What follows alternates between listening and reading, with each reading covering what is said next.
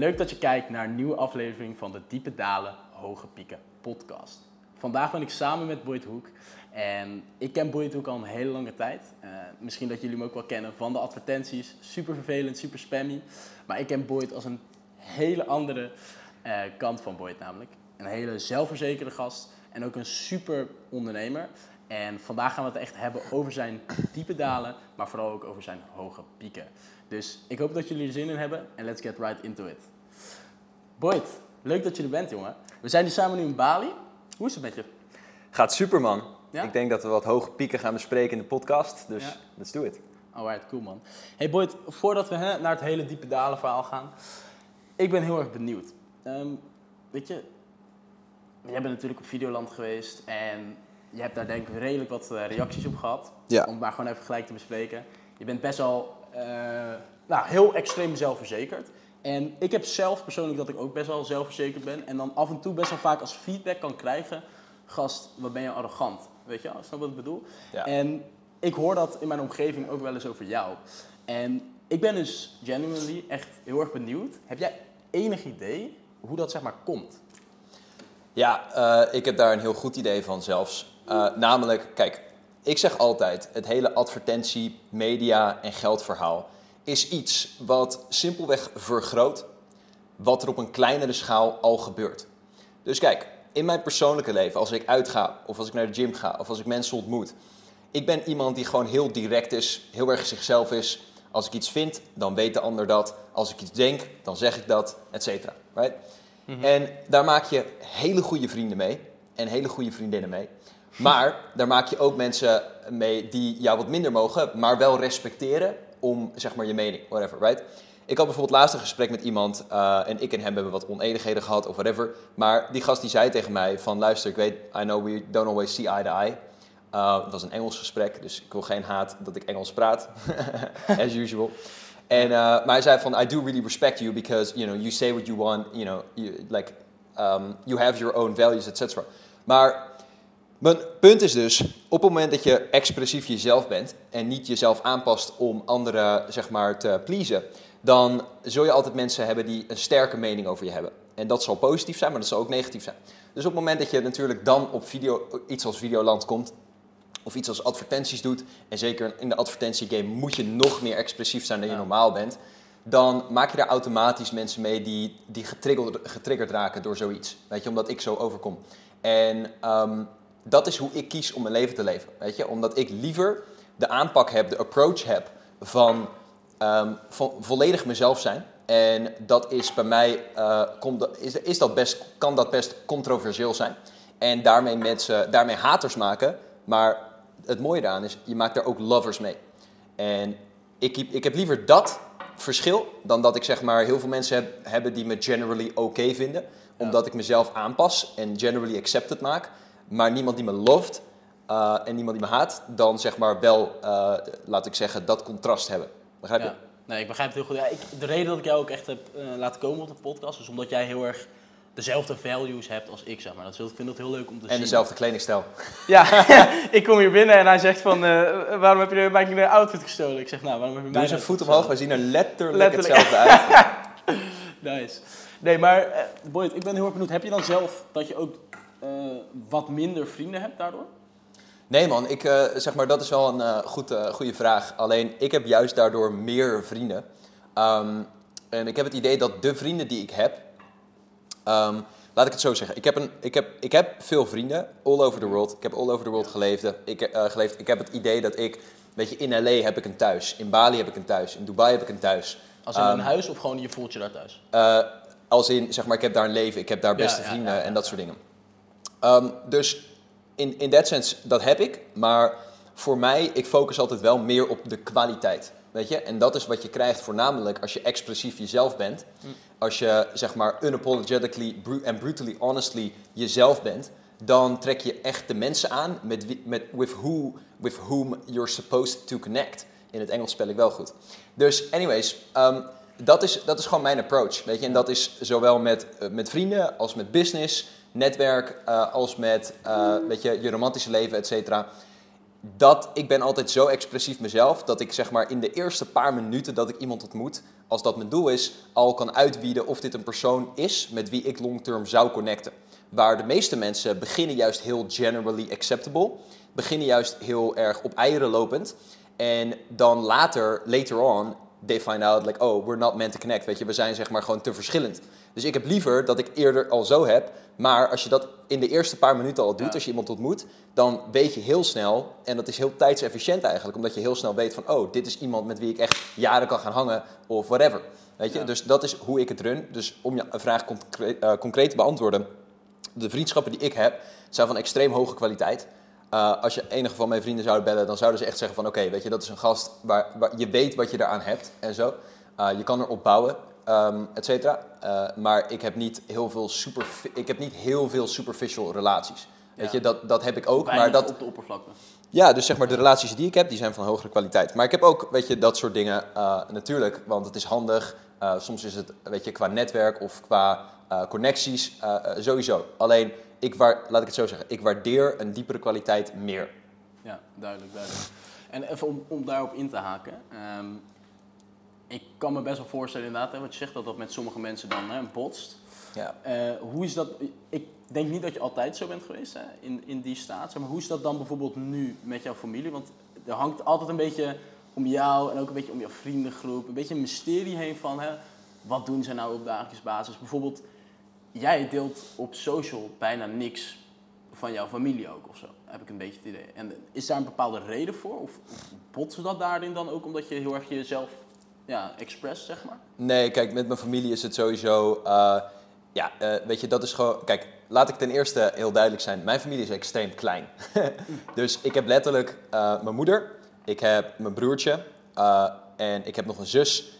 En um, ik heb, obviously, ik heb een vader, maar daar had ik jarenlang geen contact mee. Heb ik het echt over acht jaar of zo. Dus heel recent, toevallig, heb ik echt aan niemand verteld of whatever, maar toevallig heb ik daar contact mee gehad, uh, uh, vrij recent. Um, wat interesting was. Dus er is ook niet heel veel om over te vertellen. Ik heb mijn opa en oma natuurlijk. Maar dat is niet echt dat je dat op social media gaat lopen zetten. Dus weet je, de, mijn familie is gewoon, mijn in, like, dat is natuurlijk iets intiems. Ik heb wel een hele sterke band met mijn familie. En uh, het is super belangrijk voor mij. Dus um, ja, er zijn zeker in periodes zijn daar breuken mee geweest. Omdat ik wel altijd voorop stel, zeg maar, wat ik denk dat juist is. Dus bijvoorbeeld, ik heb ook in Videoland heel kort genoemd. Er was zeker, weet je, wat frictie tussen mij en mama en een breuk tussen mij en mama um, in earlier times, toen ik net begon met ondernemen en toen ik stopte met school en dat soort dingen. Uh, maar weet je, dat was nodig om daarna die band weer sterker te kunnen maken. Dus um, zo kijk ik er wel naar, wel naar maar qua, qua, familie, dat is gewoon niet per se iets wat ik veel post. Ik heb het wel eens op mijn Instagram story gehad en dat soort dingen, maar het is niet echt, I don't know, het is gewoon niet iets waar ik veel, ja, veel van post per se. Hecht je er wel veel waarde aan? Absoluut. Dat is voor mij een van de belangrijkste dingen. Want ik bedoel, ik zeg altijd, uh, als je kijkt naar het leven en de values die je daarin kan hebben, uh, de aspecten van het leven, rather.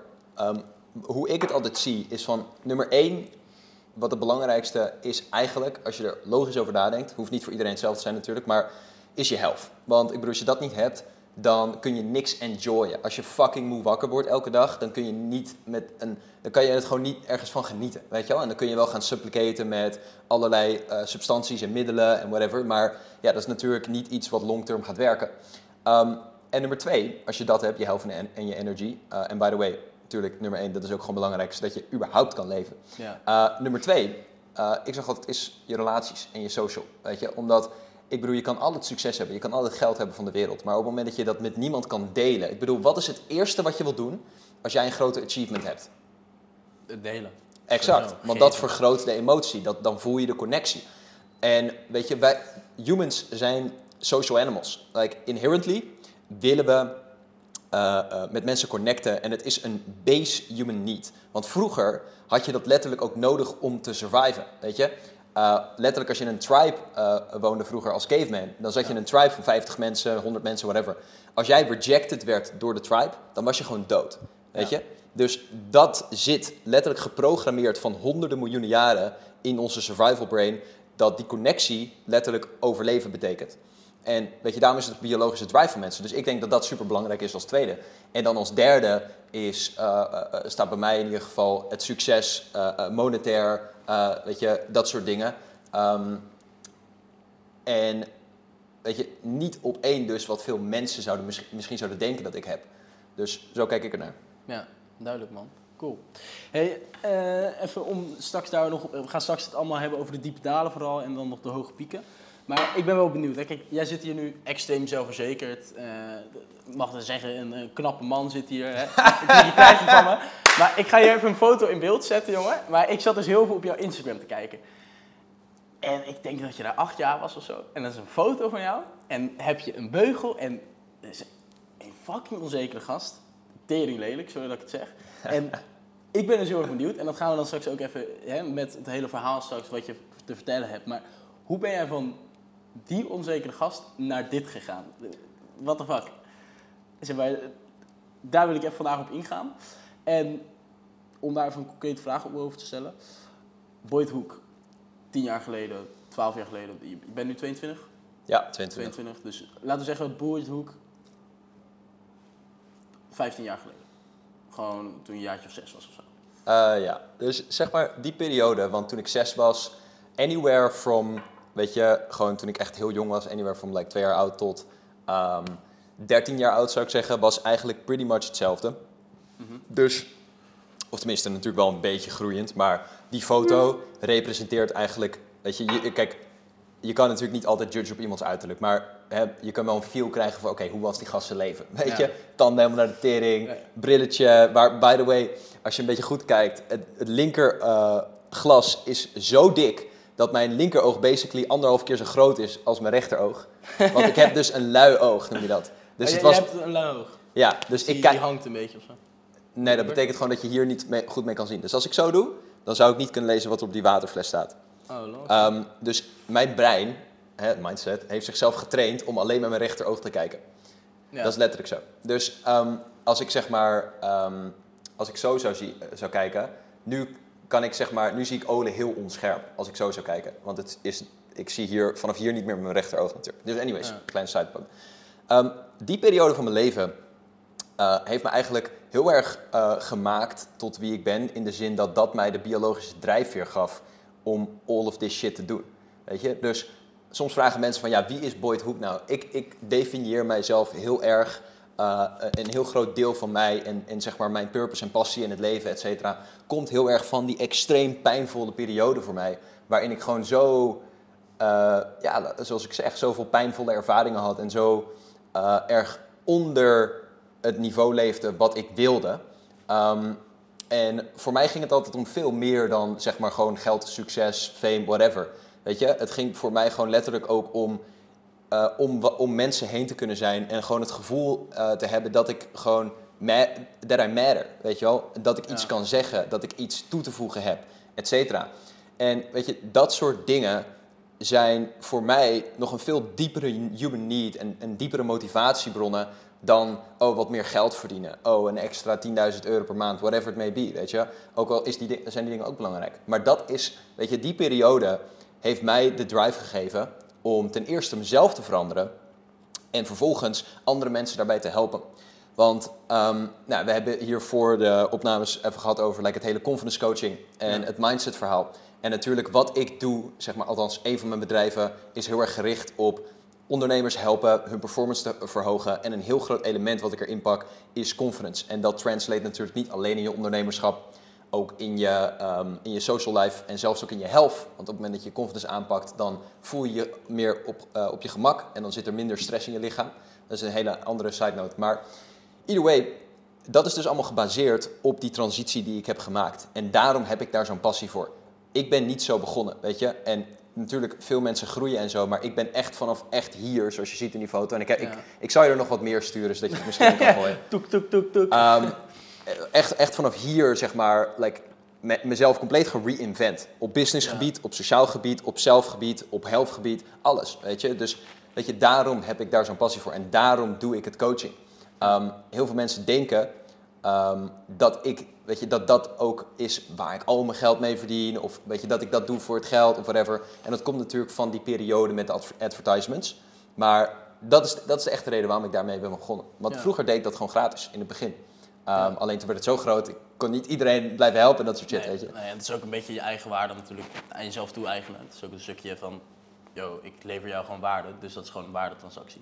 Ja, maar even, even terugkomend, hè. je vertelt nu van, oké, ik was daar heel onzeker, maar hoe is dat gekomen in die periode? Hoe was jij zo'n lelijk, zelf, on- onzelfverzekerd mannetje geworden? Nou ja, kijk, het is Vertel natuurlijk... eens even over die, jouw jeugd, zeg maar, in dat sens. Ja, dus ehm, toevallig genoeg had ik gisteren een Instagram Eh, althans, een story. En Mhm. wat ik daar zei, something along the lines... En bear with me, het is Engels. something along the lines of the following. Ik zei iets van... When you stop seeing people as like their behavior, but you understand that their behavior is just a representation of the early childhood trauma and turbulent, you know, times that they've gone through, you know, you eliminate judgment, you eliminate fear, and you start uh, cultivating respect, uh, empathy, and connection. En wat ik daarmee bedoelde was simpelweg dat elk persoon is eigenlijk niet de persoon die het is. Elk persoon is simpelweg een opbouwing en, laat ik zeggen, een, een, een samenvatting weet je, van alle gebeurtenissen ehm, en de imprinting van hun childhood. Weet je? Dus die tijden, die shapen je, eh, je mindset, zo te zeggen. En je mindset shaped je externe wereld weer. Van hoe je eruit ziet, tot wat je doet, tot wat je extern hebt. Nu, er zijn mensen die dat gebruiken als een eh victimverhaal, een slachtofferverhaal. Van, oh, dit is me allemaal gebeurd, dus daarom kan ik het allemaal niet. Er zijn ook mensen, weet je, en, en like, dat, dat is de route die ik heb gekozen om te be- bewandelen. En niet omdat ik zo slim ben, maar ook omdat ik, weet je, op een gegeven moment toen ik eh 16 was en dat soort dingen, erachter kwam dat je boeken kon lezen en erachter kwam dat je dingen kon veranderen. Weet je, dus dat is een hele grote gift dat ik dat vroeger heb kunnen uitvinden in plaats van, ehm, in plaats van later on in life. Um, dus I credit a lot of my success to that. En, en aan de mensen die me dat soort dingen hebben laten zien. Dat is ook een reden waarom ik dat ook doe. Anyways, dus Kleine die vraag- side note. wat zeg je? Kleine side note. Kleine side note. Ja. Dat gebeurt wel eens bij mij, weet je. Ik, ik Ja. praat graag. Dus anyways, um, om je vraag echt te beantwoorden. Hoe kwam het dat ik die onzekerheid had? Hoe kwam het dat ik die eh, low-level eh, eh, resultaten had um, in mijn leven al zo jong? Dat was simpelweg omdat, ja, growing up heb ik gewoon ja, een turbulent verleden gehad. Weet je, met zeg maar gescheiden sche- ouders toen ik één was. Ja, thuis natuurlijk bepaalde dingen that I won't get into. Ik heb ongeveer like, zes stiefvaders gehad. Zes Ehm, stiefvaders? Ja, dus ehm, gewoon in en out. En je kan je voorstellen wat dat soort dingen doet met een klein kind. Weet je, als je zeg maar gewoon heel erg connect met iemand en dan is hij ineens weg en dan heb je die contact niet. eens- Weet je wat voor geloofssysteem daaruit ontstaat? Dat is simpelweg één voorbeeld van eh, dingen die ik zou kunnen noemen. Ehm, zonder er te diep op in te gaan.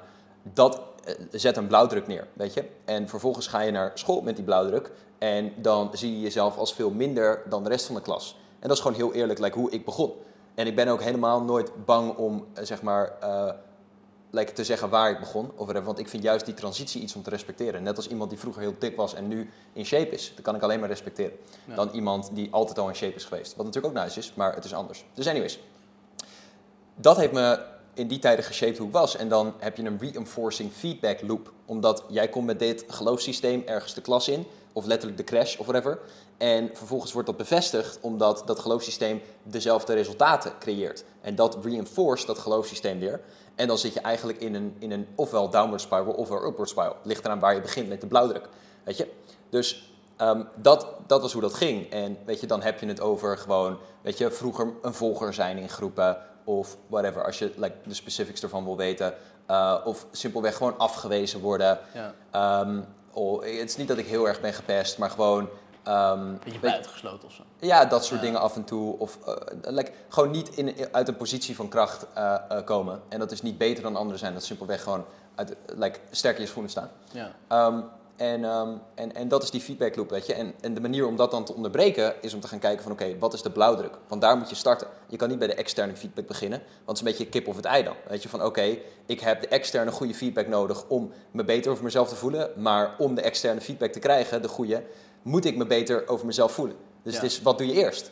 En dan kom je bij manieren om de blauwdruk te veranderen. En dan krijg je de vervolgens eerst verander je dit, dan krijg je uh, andere externe feedback en dan zit je in die upward spiral. En Ja. die verandering ma- maken, dat is waar ik mensen grotendeels bij help. Maar ik hoop dat dat de vraag beantwoordt. Alright, dus je vertelt hè, van oké, ik had eh, zes, zeven, acht stiefvaders was het. Ik heb mijn vader acht jaar niet gesproken. Het zijn best wel heftige dingen, kan ik me voorstellen. Kan je daar iets meer over vertellen? Hoe is dat gegaan? Je ouders zijn op je, toen je één jaar was gescheiden. Vertel even een beetje die storyline. Ik ben best wel benieuwd naar. Ik denk mensen thuis ook. Ja, dus ehm, hoe het eigenlijk is, eh, hoe, hoe dat verliep was, ehm, toen ik, mijn ouders waren gewoon getrouwd, woonden in één huis. En op een gegeven moment ehm, ja, waren er bepaalde dingen gebeurd, laat ik het daarbij houden. Ehm obviously kan ik niet alles precies zeggen, het is natuurlijk gevoelige informatie, ik denk dat mensen begrijpen. Ehm, maar er waren bepaalde dingen gebeurd waardoor mijn moeder op een gegeven moment besloot om weg te gaan daar. Uh, dus die had gewoon uh, spullen gepakt, is gewoon weggegaan. Met En- jou of zonder jou? met mij en mijn zusje. eh, en mijn zus. En ehm, toen zijn we eigenlijk gewoon naar een klein flatje gegaan. Het was in Castricum. Castricum was ook waar ik was eh, geboren. En toen hebben we daar een aantal jaar gewoond. eh, met z'n drieën in, in gewoon een klein flatje. Ehm, en in die tijd heeft mijn moeder gewoon heel hard gewerkt. Weet je, om ehm, een, een mooi leven eh, en een, een decent leven te kunnen creëren voor mij en mijn zus. Want het was natuurlijk gewoon een heel moeilijke periode, aangezien zij een single moeder was. En ehm, dan heb je natuurlijk twee kids, dus daar moet je voor zorgen en je moet daar heel hard voor werken. Dus het is natuurlijk moeilijke ballen om eh, te juggelen in the same time. En ja, daar, weet je, daar heb ik natuurlijk heel veel respect voor hoe ze, dat, eh, hoe ze die tijd is doorgekomen. En toen uiteindelijk eh, ja, zichzelf heeft opgewerkt eh, in, in, eh, in corporate life, I guess. Ehm, en ja man, vanuit daar op een gegeven moment een keer verhuisd naar de buurt, zeg maar Zandpoort Zuid. eh, daar in de buurt. En ehm, toen op een gegeven moment, in die eerste jaren dat ze uit elkaar waren, heb ik mijn vader niet gezien. Ehm, en toen op een gegeven moment, weet je, er waren een paar jaar overheen gegaan. Met zeg maar rechtbanken, je weet die dingen gaan. Ja, was echt een vechtscheiding ook? Nou ja, ik zou niet zeggen vechtscheiding, maar er waren natuurlijk zeker oneenigheden. Weet je, waar hè, de ene persoon wou niet dat de kinderen werden gezien, de andere wel. Laat ik het een beetje zo zeggen. En eh, heb je daar veel ook van meegekregen? Ehm, toen de tijd niet, omdat ik gewoon heel erg jong was. Weet je, dus eh, absoluut niet. Maar eh, op een gegeven moment, laat ik zeggen, weet je, four, five years onwards, toen natuurlijk wel dingen. En toen zijn er ook, weet je, meerdere dingen gebeurd die heftig zijn geweest, et cetera. Moeilijke situaties, omdat, ja, je zit natuurlijk een beetje... Er zijn gewoon een soort van twee kampen, dat kan je wel zeggen. Ja. Weet je, dat is natuurlijk altijd zo. Ehm, En voelde het ook echt voor jou dat je moest gaan kiezen? Toen? nou ja, ik zou niet zeggen eh, eh, kiezen, want ik woonde gewoon bij mijn moeder. En dat was gewoon iets wat al set was, weet je. Maar ehm, het is natuurlijk wel iets waar gewoon altijd een... eh, zeg maar, hoe, zelfs als de ouders het allebei perfect zouden doen... zal een kind alsnog het gevoel hebben... en het was niet dat het perfect was, maar zelfs als dat zo zou zijn... zou een kind alsnog het gevoel hebben dat er een soort van duwtrekbeweging is en dat soort dingen.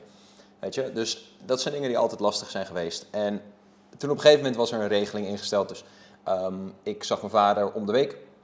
Ehm, maar ja, kijk, het is gewoon altijd een moeilijke situatie geweest in deze zin. Once again, ik ga niet alles erover vertellen, maar ehm, een moeilijke situatie geweest in de zin dat eh, ik heel jong was. Ik niet, eh, eh, zeg maar, het moeilijk was echt te zien hoe, hoe dingen zaten en et cetera. En hoe je dan dingen moet behandelen, weet je. Dus ehm, dat was die periode. En toen op een gegeven moment, ehm, ja, toen ik wat ouder werd, toen op een gegeven moment was dat eh, contact was, ja, eh, laten we zeggen, eh, gestopt tussen mij en mijn vader. En ehm, toen, en er zijn verschillende redenen voor waar ik niet te diep op in zal gaan, maar wat, wat ook wel aan mijn kant lag, maar voornamelijk door de situaties, weet je, dat er bepaalde views waren op dingen. Eh, het- het klinkt een beetje vaag, maar waardoor zeg maar, zo'n breuk kwam. Daar kan ik niet verder op ingaan nog. En, Je, je, je had gewoon je bots, jullie keken anders naar dingen. Nee, nee, niet dat. Eh, het was meer gewoon dat er, like, wat ik zeg, er waren twee kampen. En het is moeilijk zeg maar, om een balans daarin te houden. Dus, anyways. ehm, dat, eh, dat eh, moeilijke periodes. eh, toen, eh, eh, in die periode, weet je natuurlijk ook, zeg maar. Op een gegeven moment kreeg ik een stiefvader. Die ik echt als mijn nieuwe vader zag. Want ik was toen echt jong nog. Weet je, ik was toen misschien. pff, ehm, zes jaar oud of zo. Dus eh, ik kreeg op een gegeven moment een stiefvader. En. toen begon ik hem als mijn echte vader te zien. En weet je, hij framede dat, hij vertelde dat ook zo naar mij en zo. En nou ja, op een gegeven moment, zeg maar, laat ik het zo zeggen. Hij was niet een goede gozer. I'll keep it at that. En ehm, op een gegeven moment, eh, weet je, het was dus ook zeg maar, ja, er was heel veel turbulentie thuis daarin. Eh, er was heel veel, ehm, eh, like, Ja, heel, er zitten allemaal vliegen in hier Ja, jongens. niks aan te doen. Nee, Dus anyways, er, waren gewoon, er was veel turbulentie daarin. Dat was altijd heel moeilijk. Er zijn echt momenten geweest waar, waarin je dan echt eh, hele diepe gedachten, hele duistere gedachten krijgt.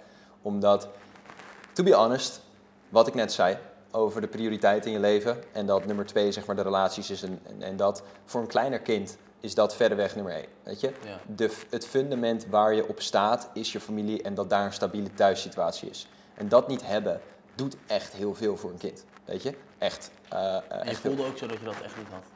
Oh nee, verre van. Ehm, Ja. Dus eh, eh, weet je, niet altijd natuurlijk. Eh, ik wil ook niet zeg maar zeggen dat eh, bijvoorbeeld eh, mijn caregivers eh, of ouders het allemaal verkeerd hebben gedaan. Dat is helemaal niet waar. Alleen wat wel onontkenbaar is, is dat het een heel turbulente situa- situatie is geweest. Door verschillende factoren. Ehm, en kijk, wat ik ook duidelijk wil maken, eh, misschien dat kijkers dat ook hebben ervaren, dit soort dingen, of scheidingen of whatever. Honestly, ouders hebben echt wel de beste intenties. Alleen ehm, een kind is zeg maar zo shapeable, moldable en ehm, ja, eh, zeg maar. Als ouders de beste intenties hebben, betekent niet dat ze het altijd op de beste manier doen. Snap je? Dus het is niet dat personen slecht zijn. Wat ik eerder in de podcast ook vertelde. Dat iemand is niet zijn gedrag uh, at any specific point in time. Iemand is dat niet, dat definieert niet een persoon meteen. Weet je? Dus ehm, dat wil ik wel duidelijk maken. Ehm, dat ik daar niemand ook voor blame en dat soort dingen. Ja. Weet je? Maar dat betekent niet dat het geen impact heeft op een kind. Dus anyways, daar waren heel turbulente situaties thuis. eh, heel vervelende dingen. En natuurlijk ook positieve momenten. Ik wil niet alles weggeneralizen en, en, en deleten. Ehm, dus zo is dat voor mij geweest. En kijk, als een klein jongetje, Ole, was ik gewoon eigenlijk, als ik heel eerlijk ben, alleen maar op zoek naar een vaderfiguur. Weet je? Dat is echt gewoon, dat was gewoon mijn eh, objective als een klein kind. Daar was ik meer mee bezig dan meiden of dat soort dingen. Weet je, dat wilde ik gewoon echt. En ik had daar altijd een enorme zwak voor. Dus je moet je voorstellen dat jij zo'n, althans het gevoel hebt, dat je nog niet van mindset weet en shit. ehm, dat je het gevoel hebt dat er een enorm- enorm gat in je zit, weet je wel? En eh, dat dat gat alleen opgevuld zou kunnen worden door een sterk vaderfiguur.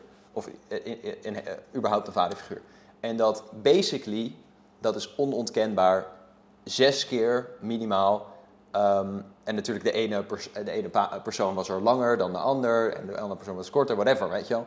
Ehm, maar dat keer op keer ehm, iemand in huis komt, je daarmee bondt, die persoon zegt van, ah shit, weet je, dit kan nu mijn vader zijn, whatever. En om heel even een side note neer te zetten en een disclaimer neer te zetten.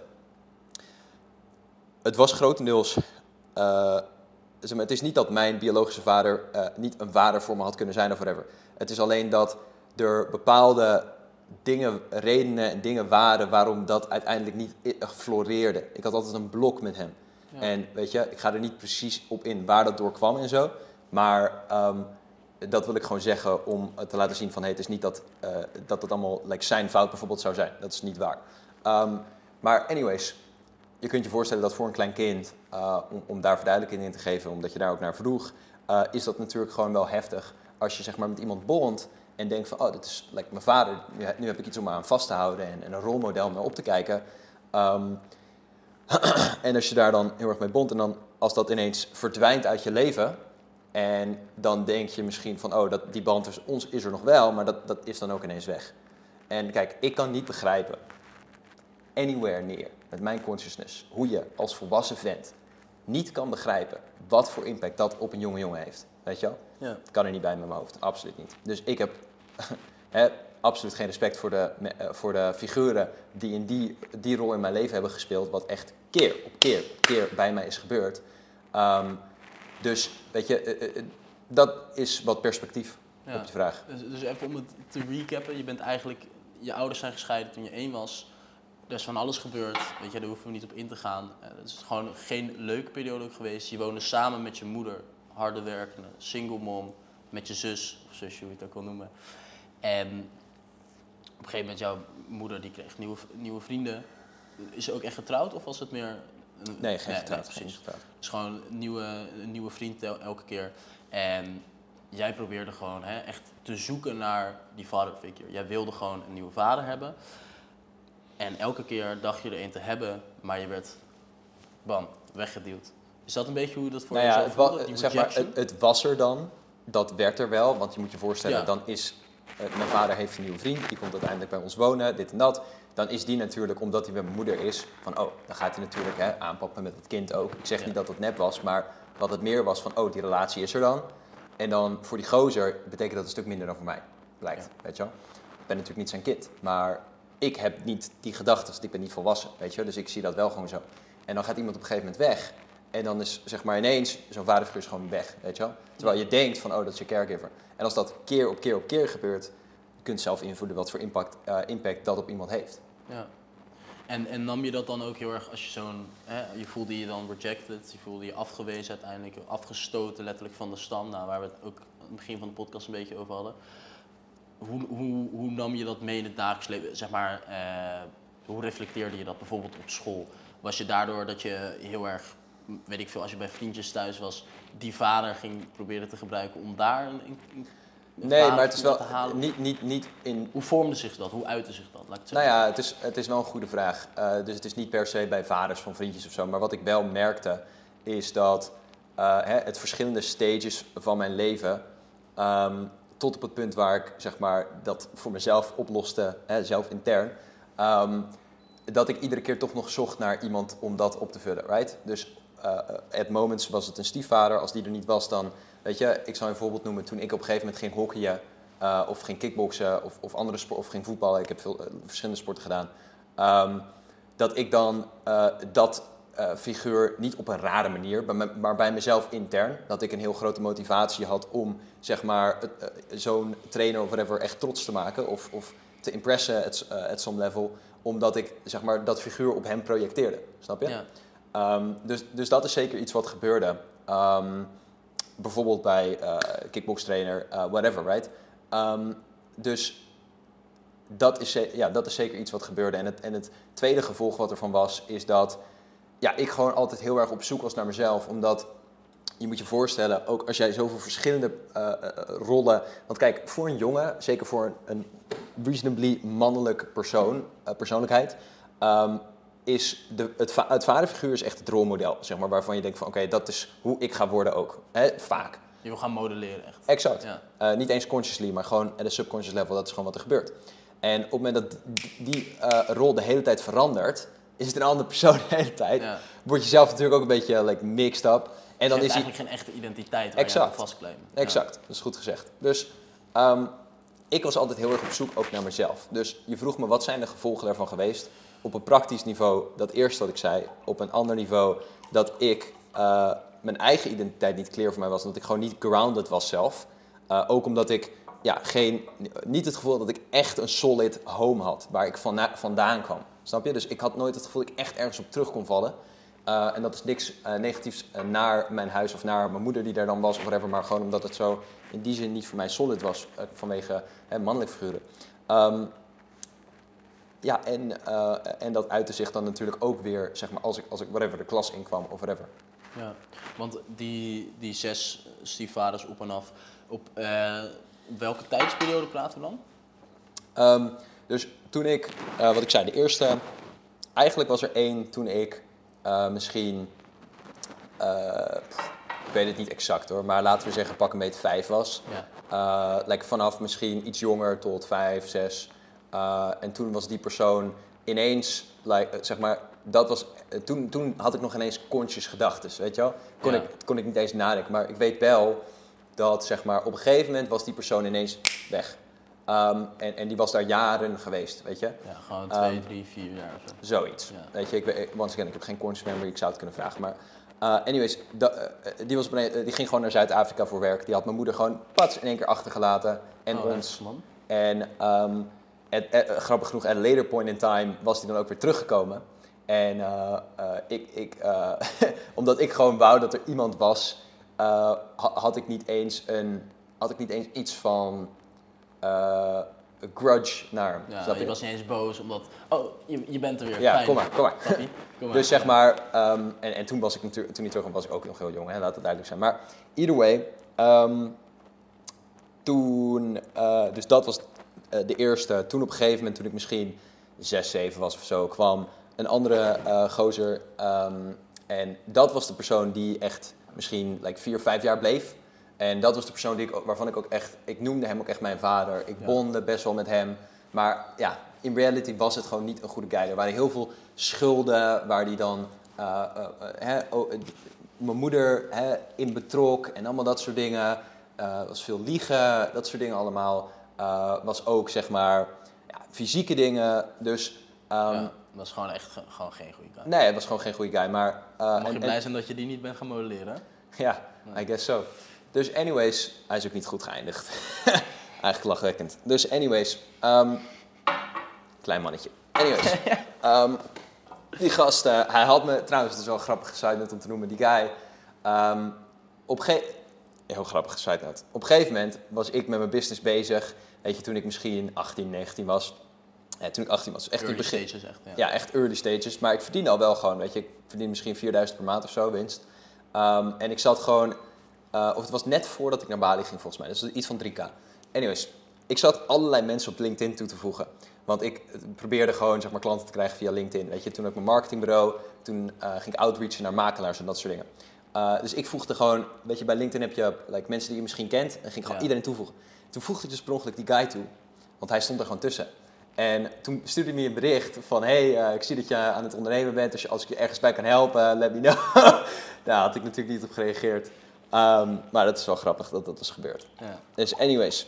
ehm, ja, dat was zo gegaan. Dat was op een gegeven moment geëindigd. Niet op een pretty manier. Eh, ik in tranen natuurlijk. Want ja, toen was dat dus weer gebeurd. Ja. Ehm, En was het toen wel duidelijk van, eh, ik ga weg, eh Boyd, eh, later zoon? Of was het ook weer, in één keer was hij weg en jij vraagt aan mama, waar is papa? Ja, nee, dat was echt zo. Mijn moeder had ons toen meegenomen naar Open Oma. En toen was daar... ja, het was al een keer gebeurd. En toen had op een gegeven moment mijn moeder ons meegenomen naar Open Oma. Toen had ze dat verteld, dat het echt klaar was. Nou, toen was ik echt pff, ongeveer zo emotioneel als ik me kan herinneren ooit. En ehm, ja, toen, eh, toen was het dus gewoon ook niet meer teruggekomen. En eh, nou, toen was het tussen mij en hem op dat punt nog wat sms-contact, maar heel, eh, heel little. En nou ja, weet je, en, en daar was het vanuit daar. Het duurde een paar jaar, was, of twee jaar, whatever it may be, ik weet het niet. En toen was er weer, zeg maar, toen was er iemand anders. En nou, toen was het weer rinse repeat, basically. Ja. Daar en komt de het hele tijd zo, om niet dan in herhaling te vallen, het herhaalde zich de hele tijd. Ja, en dat, dat was is gewoon op de middelbare school en dergelijke. Ja, dus ehm, dat was. eh, ik, ik kan me herinneren, de laatste volgens mij, waar ik echt zeg maar, zo'n gevoel bij had. eh, wat je lichtelijk beschamend zelfs zou kunnen noemen. Want ik was toen echt iets van 15, 16. Ehm, dat was het laatste. Dat was de laatste, volgens mij, eh, even uit mijn hoofd. Die gozer. En dat was ook weer echt, echt fout, fout, oplichterij gewoon en shit. Dat is echt gewoon... Ik heb die guy op een gegeven moment, toen ik dan wat ouder was... Die guy letterlijk zelf nog ehm, benaderd en zo. Omdat er bepaalde dingen waren die opgelost moesten worden, laat ik het zo zeggen. Maar dat was, dat was precies hetzelfde. Like, Ja. ik, ik een band maken en toen ineens gekat, weg. Weet je? Dus, um, anyways, like, dat is het proces. Het is eh, like, inderdaad, om niet in de herha- herhaling te vallen, dat was eigenlijk echt letterlijk Ja, precies wat, Repeat, repeat, ja, repeat. Ja. letterlijk wat er gebeurde. Shit man. En op de basisschool was je dus, hè, dat, dat lelijke mannetje dat we nog net eerder op de podcast even erin hebben geknipt. Super onzeker. En hoe vormde zich dat op de middelbare school? Want op de middelbare school, hè, iedereen komt allemaal samen de eerste. Het is gewoon survival of the fittest. In de eerste dag wordt eigenlijk al bepaald wie er gepest gaat worden en wie er populair zijn, zeg maar. Ja. Kwam jij daar als onzekere boy binnen of was er toen al een bepaalde interne switch gemaakt? Zeg maar, hoe, hoe was jij, hoe ging dat van groep 8 naar de eerste toe? Nee, eh, even kijken. Dus groep 8 ehm, was ik. Zeg maar, het was. Het was het, ik, ik developte wel, maar ehm, toen ik op de middelbare school kwam, laat ik zeggen. eh, eh, ja, kijk, het was niet dat ik eh, op dat punt echt gepest werd of whatever. Ik weet ook niet, zeg maar, in general, het is ook niet dat ik zeg maar. Ik was wel gewoon iemand die het gevoel had van, ja, ga, je, je moet niet, niet met me gaan fokken of zo. Weet je, ik zou je wel gewoon op je bek slaan. Dat, dat, dat had ik wel. Maar ik was wel gewoon diep onzeker en sociaal volledig, eh, ja, retarded. Ehm, dus, maar, maar ik had wel gewoon, eh, eh, het is niet dat ik echt zeg maar, tot echt een heel erg niveau met me liet zollen of zo. Ehm, of, of dat zou laten doen. Maar either way, op de middelbare school ehm, was het. Het is grappig om allemaal aan terug te denken, weet je. Een Ja. lang- lang- in één keer het allemaal voor en denk je, oh, dat lange, zo. lange Ja. tijden geleden. Ja, weet je, nee, het was gewoon, het was zo reasonably normaal, maar het was gewoon dat ik ja, onzeker was, nog steeds, onzeker met meiden, eh, onzeker met gasten, like, niet eh, echt de leider in, in, in groepen en dat soort dingen. Ehm, maar dat is gewoon, like, gewoon reasonably normaal, I guess. Je had wel vrienden en zo. Ja, ja, sowieso. Op dat punt wel. ehm, maar in eerdere instanties minder. Maar kijk, weet je wat het ding is? Ik had gewoon, hoe het was gelopen was... ik heb gewoon heel veel verschillende personalities uitgeprobeerd toen ik jong was. Omdat ik gewoon niet wist wie ik was. Dus eh, ik ben ook best wel... eh, ik ben ook, weet je... Ik heb zes stiefvaders gehad. En ik ben, ben ook Ja. gewoon fucking zes keer verhuisd of zo. Wel Ja. reasonably in, de, in dezelfde omgeving soms. Maar ehm, ik heb dus heel veel like, verandering meegemaakt in mijn, in mijn childhood. Weet je? Dus daarom heb ik ook het gevoel dat ik veel aspecten heb gezien van het leven. Ja. Dus als je het over, he- hebt over vrienden. ehm, het is, er is ook een periode geweest waar ik bijvoorbeeld van school switchte. En omdat ik gewoon niet wist wie ik was. En daarom is het ook iets waar ik gepassioneerd over ben. Omdat het eh, niet alleen benefit voor jezelf heeft om jezelf te ontwikkelen. Maar ook gewoon de gevoelens en de impact die je achterlaat op anderen. Maar bijvoorbeeld toen ik naar, van school switchte. En ik werd ineens in een andere omgeving geplaatst. En daar waren ineens heel andere dingen waren cool. Heel andere dingen werden gerespecteerd. Uh, er was een andere manier van, van omgaan, et cetera. Toen had ik ineens mijn oude vrienden laten vallen, weet je wel. Ja. Terwijl ik gewoon ook nog gewoon beste vrienden had en zo. Eén, één voornamelijk. Uh, en later, toen ik weet je, daar meer achter kwam en whatever, toen ook naar hem geapologized en weet je, dat soort dingen. Maar um, ja, dat soort stadiums pas ik heb doorgegaan. Toen kwam ik op een gegeven moment op middelbare school. Dus weet je, ik, ik was op heel veel verschillende like, dingen uitgeprobeerd en whatnot. kwam ik op de middelbare school en um, ja, daar was uh, gewoon redelijk normaal. En toen op een gegeven moment, toen ik misschien in de tweede, derde kwam of zo. Uh, althans, toen ik uh, op een veertiende verjaardag ongeveer, zeg maar toen ik echt van 13 naar 14 ging. Ja. Dat was toen ik, um, ja, uh, gewoon, like, ook weer echt een andere kant op ging in de middelbare school. Dus um, toen ontwikkelde ik me gewoon een beetje meer richting, ja, like uh, bad boy type of side. Weet je, bad, een beetje. Bad boy boy. I guess, dat was letterlijk gewoon mijn bijnaam, weet je, dat soort. Oh, dat soort shit noemden okay. ze me, ja, like Badda Boyd en dat soort dingen. Of ze, noem, ze, ze noemden me altijd Badder Boyd, omdat ik gewoon letterlijk altijd aan het matten was met mensen. En Badder Hari. Ja, oh, Boyd, ja, dus ja, ja, ja, Dat was letterlijk mijn bijnaam toen. Maar even, even om dat dan te recappen, je zegt net, ik heb heel veel dingen uitgeprobeerd, daardoor heb ik extreem veel gezien van het leven, heb je het gevoel. Kwam dat dan ook omdat je gaat natuurlijk eigenlijk je vader spiegelen, hè? je gaat proberen zijn identiteit over te nemen. Dat is wat je doet, eigenlijk modelleren basically. Denk je dat het ook kwam omdat je de hele tijd een ander vaderfiguur had, dat je ook continu iets nieuws moest gaan proberen, of op subconscious level dan? Ja, at some level natuurlijk. Um, shift je identiteit door die verschillende rolmodellen. At another level was een, denk ik, nog grotere reden dat ik niet al een set identiteit had. En dat ik gewoon heel erg op zoek was naar, oké, okay, hoe zou een man moeten zijn? Weet je, hoe, hoe moet je zijn om dan wel, zeg maar, zelfverzekerd te zijn, om wel connectie te kunnen hebben met mensen, om wel um, gerespecteerd te, uh, te, kunnen zijn door de teacher, whatever, right? Dus ik um, denk dat dat een grote reden daarin speelde. Ja. En gerespecteerd worden, hoe dwong je bijvoorbeeld respect als dan? Nou ja, niet. okay. maar um, nee, kijk, ik, ik zal je één heel grappig voorbeeld noemen uh, wat een, een zaadje voor mij had geplant. En dat was toen ik op een gegeven moment um, in groep 6 zat op de basisschool. Ik heb dit verhaal een keer eerder verteld. Uh, en toen werden op een gegeven moment werden er rapporten uitgereikt. Weet je? En ik was gewoon een mannetje die gewoon graag uh, uh, connectie wilde met mensen en whatnot. En op een gegeven moment in groep 6, heel grappig, was ik super verliefd op mijn high school teacher. Of tenminste, sorry, uh, basisschoolteacher dan. Ja. juf Nina. Hele mooie dame. nou, en als je kijkt. slide de DM. Dus anyways. Um, Laten we hopen dat dat niet tot haar komt. Anyways. Um, nee. Dus ja, ik. Uh, Zo grappig om aan terug te denken. Dus ja, ik, ik was super, ik was helemaal verliefd op haar, weet je. Uh, en uh, niet dat ik echt dacht dat ik daar ging daten of zo, maar meer gewoon, je, wil, je, je vindt je teacher leuk, je wilt Ja. de, de respect en je wilt een soort van connection, whatever. Um, dus ik, ik werkte tot het hard, deed mijn huiswerk, dat soort shit, om, om dat te krijgen. En dat doel, weet je. En op een gegeven moment was toen rapportuitreikingen. En er was een andere kid in mijn klas die het tegenovergestelde gedrag had van mij. Lulde er altijd doorheen, deed zijn huiswerk niet, deed zijn planning niet, al dat soort shit. Ja. Toen kwam op een gegeven moment die rapportuitreiking. En toen kwam ik ter sprake. En bij mij was het echt iets van... eh, oh, dat is Boyd, heeft een 8 voor aardeskunde, bladibladibla. Oh, dat is Boyd, oké. Weet je, en ze, mo- Ja, dat is mo- zo- zo'n zegje, zeg maar. Voor de ja, gewoon, gewoon Ja. Heel, heel simpel, eh, eh, niet speciaal. Ja. Op een gegeven moment kwam die andere dude. En bij hem was het echt zo van, oh, dit is hij. Hij is te... Of tenminste, de naam werd niet gezegd, de klas moest raden wie het is. En de teacher vertelde shit erover. Oh, ja, ja, ik Eh, snap dit is hij en hij is, hij is soms iets te gezellig en dit en dat en dit en dat. En bij hem werd er zo op ingegaan, de hele klas lachen en die juf helemaal naar hem toe lopen en een knuffel geven, dit en dat. Ja. Het was een hele heisa bij hem, eh, in een positieve zin. En ehm, bij mij dus totaal niet. Dus ik zat echt, ik was daar echt extremely upset over. Heel Ja. sad. Eh, want ik dacht, van, ik heb de hele fucking jaar hier naartoe gewerkt. Is dit voor bullshit? Ja, Weet je, dit hoort niet zo te zijn. Ga- Gaf je dat ook Hier klopt van- iets niet, Ja. dacht ik. En eh, dat gaf ik toen inderdaad aan bij mijn moeder.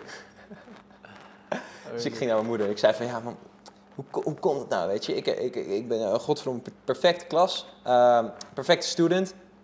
En eh, toen had ik nog geen Engelse woorden in mijn zinnen, dus perfecte leerling. En eh, toen, eh, en dan gebeurt er dit. Weet je, hoe kan dat nou? Weet je, en ik krijg helemaal geen aandacht. En toen op een gegeven moment, toen heeft mijn moeder de juf opgebeld, een hele scène geschopt, weet je wel, van ja, en eh, mijn zoon eh, komt hier hartstikke depressief thuis en dit en dat, omdat eh, er bij hem helemaal, eh, helemaal geen, eh, eh, whatever, aandacht wordt geschonken, dit en dat. Ah, en, en er zijn meerdere van dat soort momenten geweest, weet je. Like, ik zou Ja. een ander voorbeeld geven. Ik had een fucking een keer een heel mooi Lego dingetje gemaakt. En dit, nu, kan je, nu ga je echt het level begrijpen eh, waar ik op zat vroeger. Ja. Ik had een heel mooi Lego dingetje gemaakt. Mee naar school genomen. Want wij hadden in school altijd op maandag iets dat je dus ehm, je vinger eh, kon opsteken en dan mocht je vertellen wat je over het weekend had gedaan. Oh ja. Dus ik heb een mooi dingetje meegenomen naar school. ja. En ehm, dan, eh, hoe het werkte is, dan steekt iemand zijn vinger op en, pff, moet ik het even herinneren, dan, dan moest iemand anders, Zo, ja, als je, als, je, als je iets had verteld, dan mocht je iemand anders uitkiezen, weet je, die dan iets mocht vertellen. Oh ja. En ben ik godverdomme dus nooit uitgekozen om iets te vertellen. Oh shit. Ja, ehm, dat is gewoon kut, weet je. dus anyways, toen op een gegeven moment eh, had ik dat ook weer tegen mijn ma gezegd. Het is echt hilarisch om hierop terug te kijken. Had ik, tegen, snitch. had ik tegen mijn ma gezegd, nou niet in een snitch manier, maar gewoon Nee. van, ja man, waarom word ik nou nooit uitgekozen? Weet Ja. je, like, als je even inbeeldt, je bent gewoon een klein jongetje, je wilt gewoon iets delen met de klas, je wil ook iets vertellen, weet je. Je wordt gewoon niet uitgekozen, je wordt overgeslagen.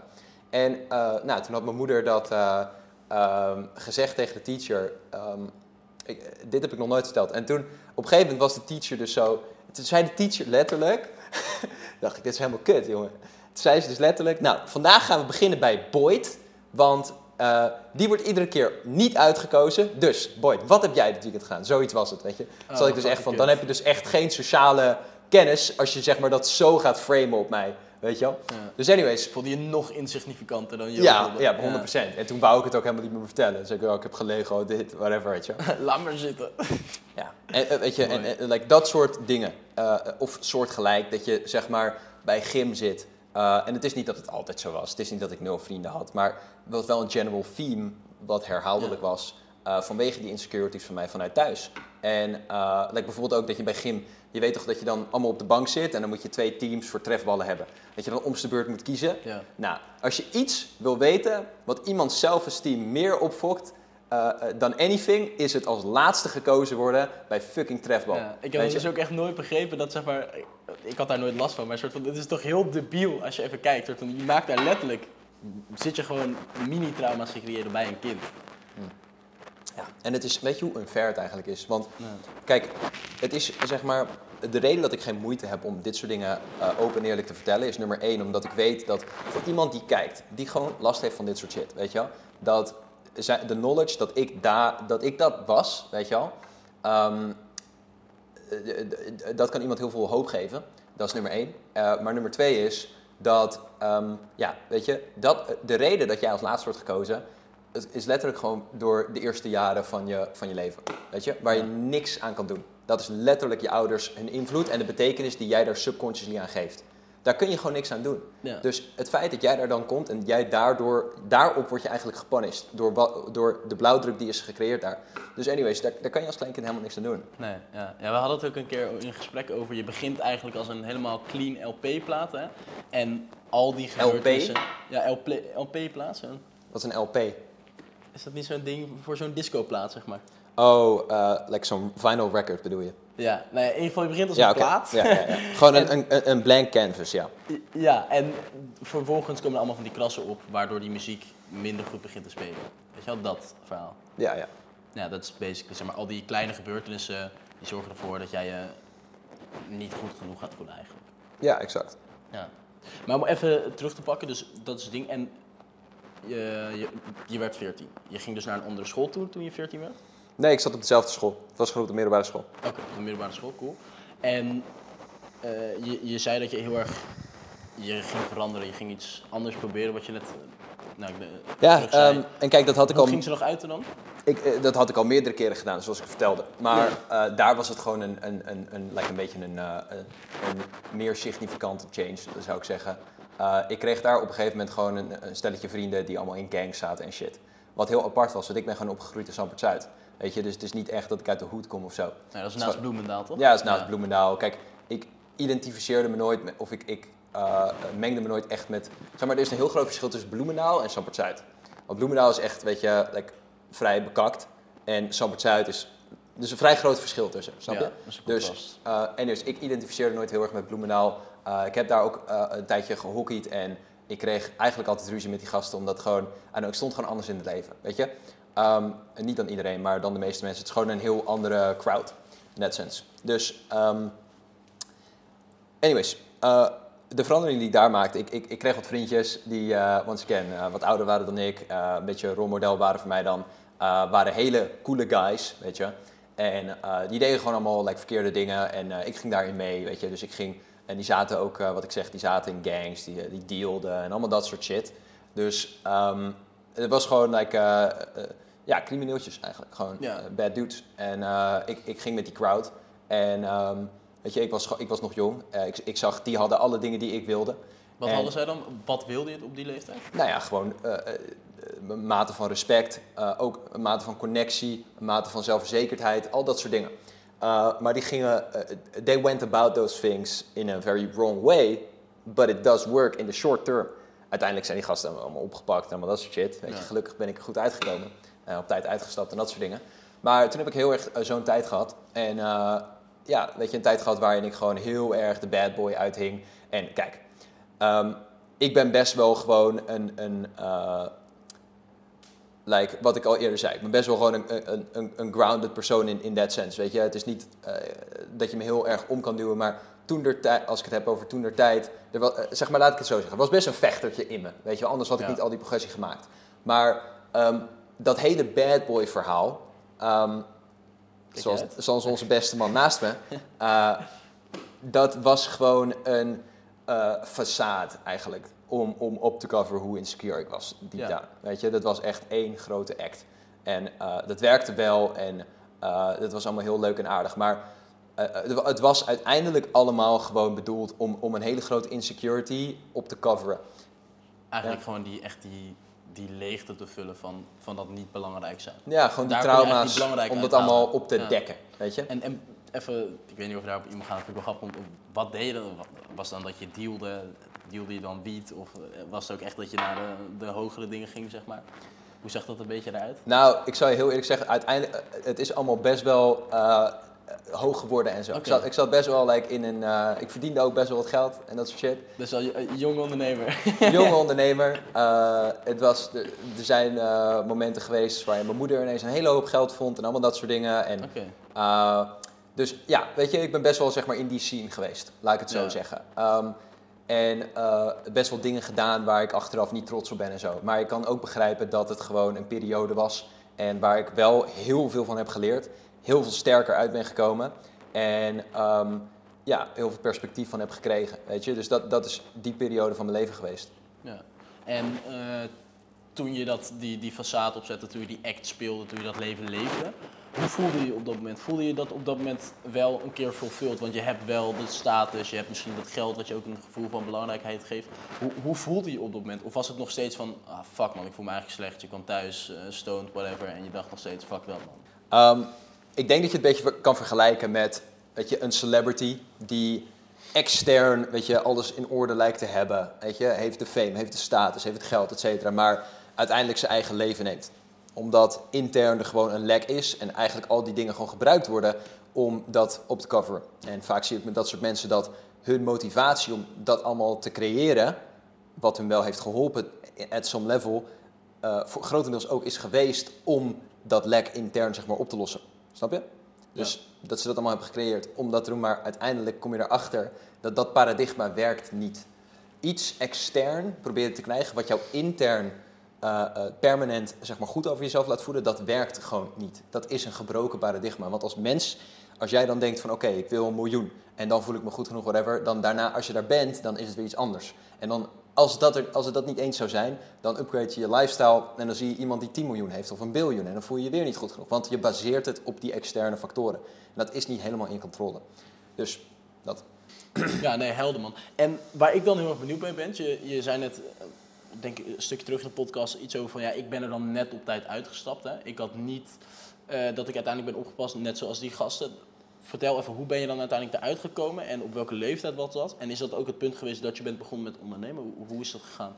Dus hoe dat is gelopen is op mijn zestiende um, was op een gegeven moment ja, een issue wat uiteindelijk, nou ja, uh, de politie was involved, et cetera. En um, kijk, uh, daar ben ik, da, dat bedoel ik dus met, ik ben daar op, op tijd, zeg maar, gewoon, die kampen zijn gescheiden. Uh, weet je, er waren ook bepaalde dingen gedaan door de politie, waardoor uh, ik niet meer met hun in contact kon staan, legally. Of, of zij niet met mij, omdat, weet je, ik had gewoon potentie om gewoon een normale, goede kant op te gaan. Um, anyways, dus ik deed gewoon dat goed. Zag, zag de politie zo? Exact, exact. Ja. En weet je, dat was gewoon ook duidelijk. Ik zat gewoon, ik begon gewoon op het gymnasium, ook op school, weet je wel. En ik ging best wel, ik daalde best wel snel natuurlijk, maar um, weet je, dat, dat zagen ze natuurlijk in. Dus anyways, um, ja, weet je, daar waren wat consequenties. Toen waren was dat gescheiden. En ik op dat punt realiseerde me, ook al was ik nog vrij jong, ik realiseerde me van oké, okay, ik zie dus van oké, okay, dit, dit is dus iets wat in de short term werkt, maar deze strategie die ik hier toepas, zo te zeggen, en uh, deze lifestyle, dit leidt niet tot long term uh, succes. Weet je, dit, dit gaat altijd fout at some point. Dus uh, ja, daar veranderde ik toen in. Het was niet dat ik in één keer hervormd was of whatever, weet je. Maar gewoon, in ieder geval zag ik dat in. En um, ik begon toen ook echt aan mezelf te werken. Toen ik 16 was, kwam ik echt achter, zeg maar, boeken en kwam ik achter um, dingen als uh, zeg maar de zelfontwikkelingsspace, ja. laat ik het zo ja. zeggen. En ik begon echt aan mezelf te werken. En dat, dat, dat, deed ik daarvoor al, in een sens, alleen op een andere manier. Ik deed gewoon trial and error. Ik deed gewoon mezelf andere dingen proberen. Weet je, door ja. verschillende personalities te zijn. En, en, en op te letten en te kijken van oké, okay, waarom, wat ik eerder vertelde, die guy met die rapportenuitreiking, waarom krijgt hij nou de aandacht? Waarom werkt dat niet hoe mijn moeder dat mij heeft verteld? Waarom, en, en die subtiele sociale dynamieken lezen, et cetera. En daar was ik vrij goed in geworden. Maar um, weet je, het was echt zeg maar um, olie op het vuur toen ik achter echt zelfontwikkeling kwam. En weet je, boeken uh, kreeg bij mijn eigen externe uh, practice en mijn eigen nadenken. En hoe kwam jij in aanraking met bewust worden van zelffilmen? Dus echt boeken gaan lezen? Nou, nou het was gewoon het was heel, heel simpel. Op, ge, op een gegeven moment begon ik gewoon op YouTube op te zoeken van oké, okay, like, uh, of, of op Google. Gewoon, ik begon gewoon dingen op te zoeken van hoe, like, hoe, hoe werkt dit of zo. Of like, what, is, what is popularity? Of dat soort termen, ja. weet je wel. En dan kom je een beetje bij dat soort dingen. zeg maar van die like influence boeken of dat soort shit, weet je. En um, de meeste van die shit is eigenlijk helemaal niet uh, effectief in de echte wereld, weet je. De meeste van die boeken, althans, uh, echt die, like, ook als je bijvoorbeeld hebt over how to uh, win friends and influence people en stuff. Zo, zeg maar, het is vrij outdated, weet je. Het is gewoon iemands naam onthouden, iemand in zijn ogen kijken als je hand schudt. Er is zoveel meer high-level stuff wat je kan doen. Ja, maar um, ik denk dat het wel voor heel veel mensen, daar ga ik wel op inhaken. Kijk, op de basisschool, op de middelbare school, er bestaat geen vak communicatie. Dus voor heel veel mensen is dat oh, logisch dat je dat doet, weet je wel. Maar voor heel veel mensen, ik denk het merendeel, is dat het niet. Dus ik denk juist met zo'n boek dat je wel heel erg de basis, de fundering kan leggen voor normale social skills. Ja, like het, zo, het is gewoon een starting point. Ja, maar precies. there's way more to it natuurlijk. En eh, er is niet zo heel veel out there om daarover te leren. Maar either way, ik kwam wel op het pad van zelfontwikkeling. Ehm, en ja, dat was gewoon iets wat me heel erg raakte. Iets waar ik heel erg mee resoneerde. En eigenlijk was ik daar al lang mee bezig voordat ik überhaupt wist dat dat bestond. En dat je dat kon doen. Ehm, en ja man, toen, eh, toen ging eh, eh, kwam ik in die wereld. Toen ging ik daarmee bezig. Eerst was dat ook heel veel gewoon op sociaal gebied. En ehm, ja, toen, ik, laat ik zeggen van 14 tot en met 18 had ik echt zeg maar, of, of toen, ja eigenlijk van 14 tot en met 18, maar vanaf 16 was het dus met boeken en dat soort dingen. En was het dus een, een, beetje vanuit een andere positie dat ik dat deed. Was ik heel erg aan mezelf aan het werk, eigenlijk altijd al. Ehm, maar laat ik het zo zeggen, tot mijn 18e was ik echt heel erg aan mezelf aan het werken. En aan zeg maar ehm, hoe ik mezelf zag, hoe ik over mezelf dacht, eh, like, hoe ik sociaal was, et cetera, et cetera. Ehm, en eh, uitgaan en dat soort dingen. Ehm, dus eh, weet je, dat was zeg maar die periode. En ja, maar dat, dat ging door toen ik, dus ja, vanaf 16 tot 18 toen ongeveer, toen ging ik heel veel uit.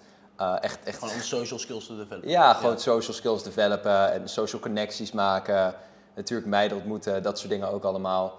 En ehm, dat, de, weet je, dan ging ik like, echt... eh at some point, toen ik op mezelf ging wonen, was het 17, toen ging ik uit huis. Ehm, en vanaf daar ben ik nog wel eens een keer teruggekomen, huis en dan weer eruit. Weet je, was dat Ja. een beetje turbulent in die zin. En ik ben zelf ook jong uit huis gegaan. Bij mij was het gewoon omdat ik ging reizen. Ging jij zelf, waarom ging je uit huis? Ehm, het werkte gewoon even thuis niet, daar kwam het op neer. En je, woonde toen met je moeder? Ja. Oké, duidelijk. En je vertelde net hè, dat jij, je verhuisde natuurlijk met jouw eh, zus, denk me nu. Maar jij, weet ik, dat, dat poosje lang wel is. Je hebt wel ook een broertje, toch? Die is ook DJ Ja, ja, ja, 100%. Is Nee, die- ik dat is had, dan een halfbroertje, of? Ja, halfbroertje. Daarom noemde ik hem eerder niet, omdat hij kwam er natuurlijk later bij. Ja, precies. Hij is nu 15. Ah, Ehm, maar mijn broertje is pretty much mijn favoriete persoon in de hele wereld. Lachen. En ehm, ik heb met hem een extreem goede band. En eh, ik zou alles voor hem doen. Alles. En dat doe ik ook. En eh, likewise vanuit hem eh, naar mij. Het is wel grappig. Want ehm, ik moet... like, ik, ik moet wel eens zeg maar... Ik doe heel veel voor hem en hij doet heel veel voor mij, weet je. Dus like, Ja. als ik, ik was laatst bijvoorbeeld thuis in Nederland. gewoon alleen met hem thuis. En... like wat hij dan voor mij doet eh, soms is dan als ik 's ochtends een meeting heb snel, bakt hij eitje voor me, ja, dat soort dingen. Gaat hij naar de DK voor me, haalt hij shit. Eh, ik help hem natuurlijk heel veel met like, coaching en met eh, DJ-staf en connecties voor hem maken en dat soort dingen. En dan eh één grappige ding is, ehm, ik heb zeg maar, eh, ja, wat, ik, je- wat ik net hier tussendoor vertelde, ik, ik heb wat vocal eh, like, stem-issues, weet je. Ja. En dus wat ik vaak moet hebben, het is vrij zeldzaam dit, maar wat ik vaak moet hebben is een massage op eh, hier, weet je, aan de zijkant van mijn nek. en dat is heel, like, niemand doet dat eigenlijk, want het is Ja. gevaarlijk om laten van zitten. Maar anyways, mijn broertje geeft dus altijd vocal massages hier, het is hilarisch. Gewoon heel zachtjes zit hij zo. Nee, nee, gewoon heel hard. Oh, is Gewoon het keihard. gewoon zo te doen en zo. Ja, nee, het is gewoon echt letterlijk, gewoon echt keihard. Like, als je het zou zien, als ik het bij jou zou doen, zou je echt zitten van, ah, weet je. Stop. Maar mijn, ik, ik ben er eh, gewend. Maar Ja. anyways, dus, eh, weet je, een hele goede relatie met hem. En eh, ik weet zeker dat hij heel groot gaat worden. Hij is DJ. Ja. Ehm, dus ja man, dat is, dat is iets waar ik heel grateful ben in mijn leven. eigenlijk voor hem gewoon. Nou, voor, voor de mensen thuis, waar kunnen ze hem checken? Even Ja, dus hij heet Sebastian. Gewoon Sebastian in het Engels, natuurlijk in het Engels. Met één A dus. Ja, twee, met één A. Met één A. Sebastian Gray Official. Hij heet Gray. Eh, alleen zeg maar, Sebastian Gray is dan zijn artiestennaam. Dus de- je kan hem op Instagram vinden. Maar ik, I'm sure dat we hem even kunnen linken eh, gewoon Ja, in de we Doen beschrijving. wel even. Pop. Zo. Gefixt. Ja. Nee, tof man. Nee, maar eh, vertel door. ja, toen ik 17 was, toen ging ik uit huis. Ik was nog wel eens af en toe teruggekomen en zo. En eh, I guess dat, dat, dat was de periode, weet je, want ik was natuurlijk een tijdje met zelfontwikkeling en zo bezig geweest. voornamelijk op sociaal gebied. En toen ik op een gegeven moment 18 werd, toen, zeg maar 17, 18 en zo, toen woonde ik dus op mezelf in Haarlem dan, weet je. En ik was veel uit aan het gaan. Dat is allemaal superleuk. Eh als je dan op jezelf woont en je gaat veel Ja. uit en dat soort dingen allemaal. Maar ik, ik merkte aan mezelf van, oké, weet je, like, ik, once again, ik kwam tot de conclusie en tot het inzicht van oké, dit is leuk en, en, en het was helpvol om mezelf te ontwikkelen, maar ik moet nu wel gewoon iets, iets productiefs ook gaan doen, want ik kreeg het gevoel van, oké, school gaat mij niet echt brengen bij het leven waar ik wil komen. Weet je wel? Dus, ehm, en dat is gewoon niet echt iets wat ik doop vind. Dus ehm, eh, toen begon ik ook te denken van, ja, wat, like, ik moet ook iets gaan doen om echt like, meer geld te verdienen. Ik had toen de tijd een klein salesbaantje, whatnot. Um, dus ja, eh, weet je, daar begon ik over na te denken. En uh, ik begon ook mijn motivatie echt te verliezen en zo voor school. Ik had altijd al weinig motivatie daarvoor. Omdat Want je, je was 17, je zat in VWO, HAVO, MAVO? Uh, ik zat, ja, het ging zo. Ik zat, ik zat eerst op gymnasium, en toen was ik op een gegeven moment school gewisseld. Toen ging ik naar VWO. Toen bleef ik dus zitten op VWO. En toen, in plaats van dat ik nog twee jaar VWO zou doen, toen ging ik naar HAVO. Toen zat ik in vijf HAVO. Want dan zou ik zeg maar na een jaar klaar, klaar zijn. Want ik ging, er was no way dat ik nog twee jaar op de fucking school ging zitten. En um, toen op een gegeven moment uh, ja, kwam ik echt tegen het einde van dat studiejaar, bijna, bijna bij de examens, kwam ik, kwam ik achter online business. Oh kwam shit. Ik, kwam ik achter, uh, gewoon via YouTube, via dat zelfontwikkeling, dat je echt een business zou kunnen starten ook. En uh, waar, het main ding waar ik toen achter kwam, was dat je, was social media advertenties. En dat het makkelijk was om zelf te gaan doen. Althans, dat je dat gewoon kon doen zonder geld te geven, whatever. Weet je wel? En dan kom ik een beetje achter dat businessmodel van oké, dat kun je dan voor klanten doen en et cetera.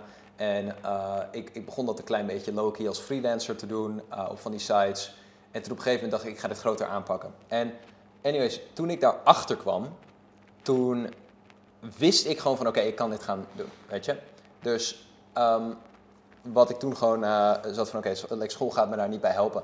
Dus basically toen gewoon de beslissing gemaakt om te stoppen met school toen ik 18 was. Dat was drie maanden ongeveer voor mijn eindexamen.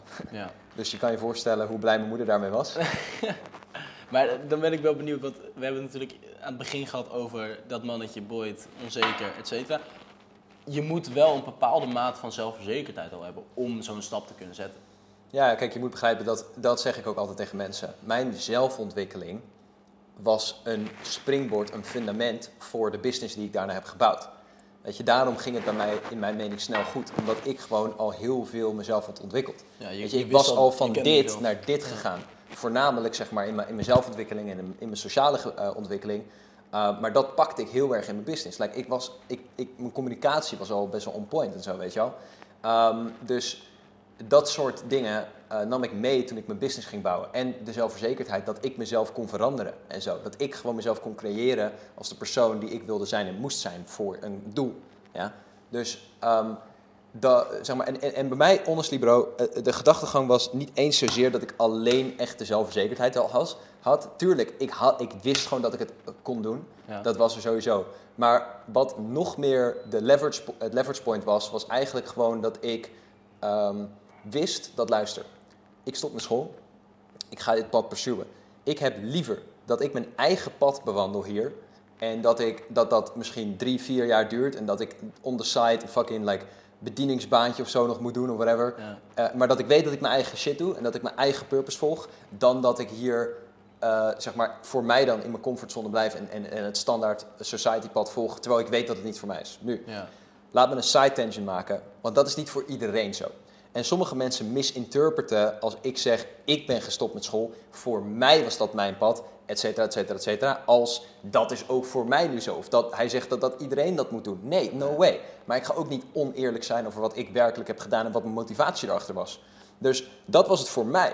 However, als ik andere mensen zou adviseren, ik zou echt niet adviseren aan mensen van, oh, stop lekker met je middelbare en ga gewoon een business starten. Nee, weet je, zorg dat je eerst iets opstart, dat je daar weet je, een mate van succes mee behaalt. En dan kun je vanuit daar zo'n keuze vanuit een positie van kracht maken. Weet je, Ja. ik, ik, ik zeg niet, uh, uh, gooi gewoon alle, uh, uh, zeg maar, je hele, ja, maak gewoon, doe dat ineens.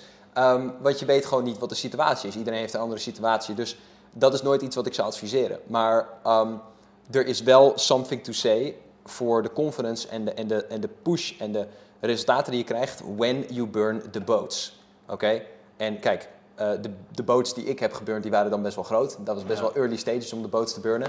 Maar in general is het wel een aspect en dat is gewoon iets wat waar is. Like op het moment dat jij doel A wil behalen en je hebt een backup plan, plan B, want dat is wat iedereen altijd tegen mij zei. Boot, je hebt toch een vangnet nodig, la la la.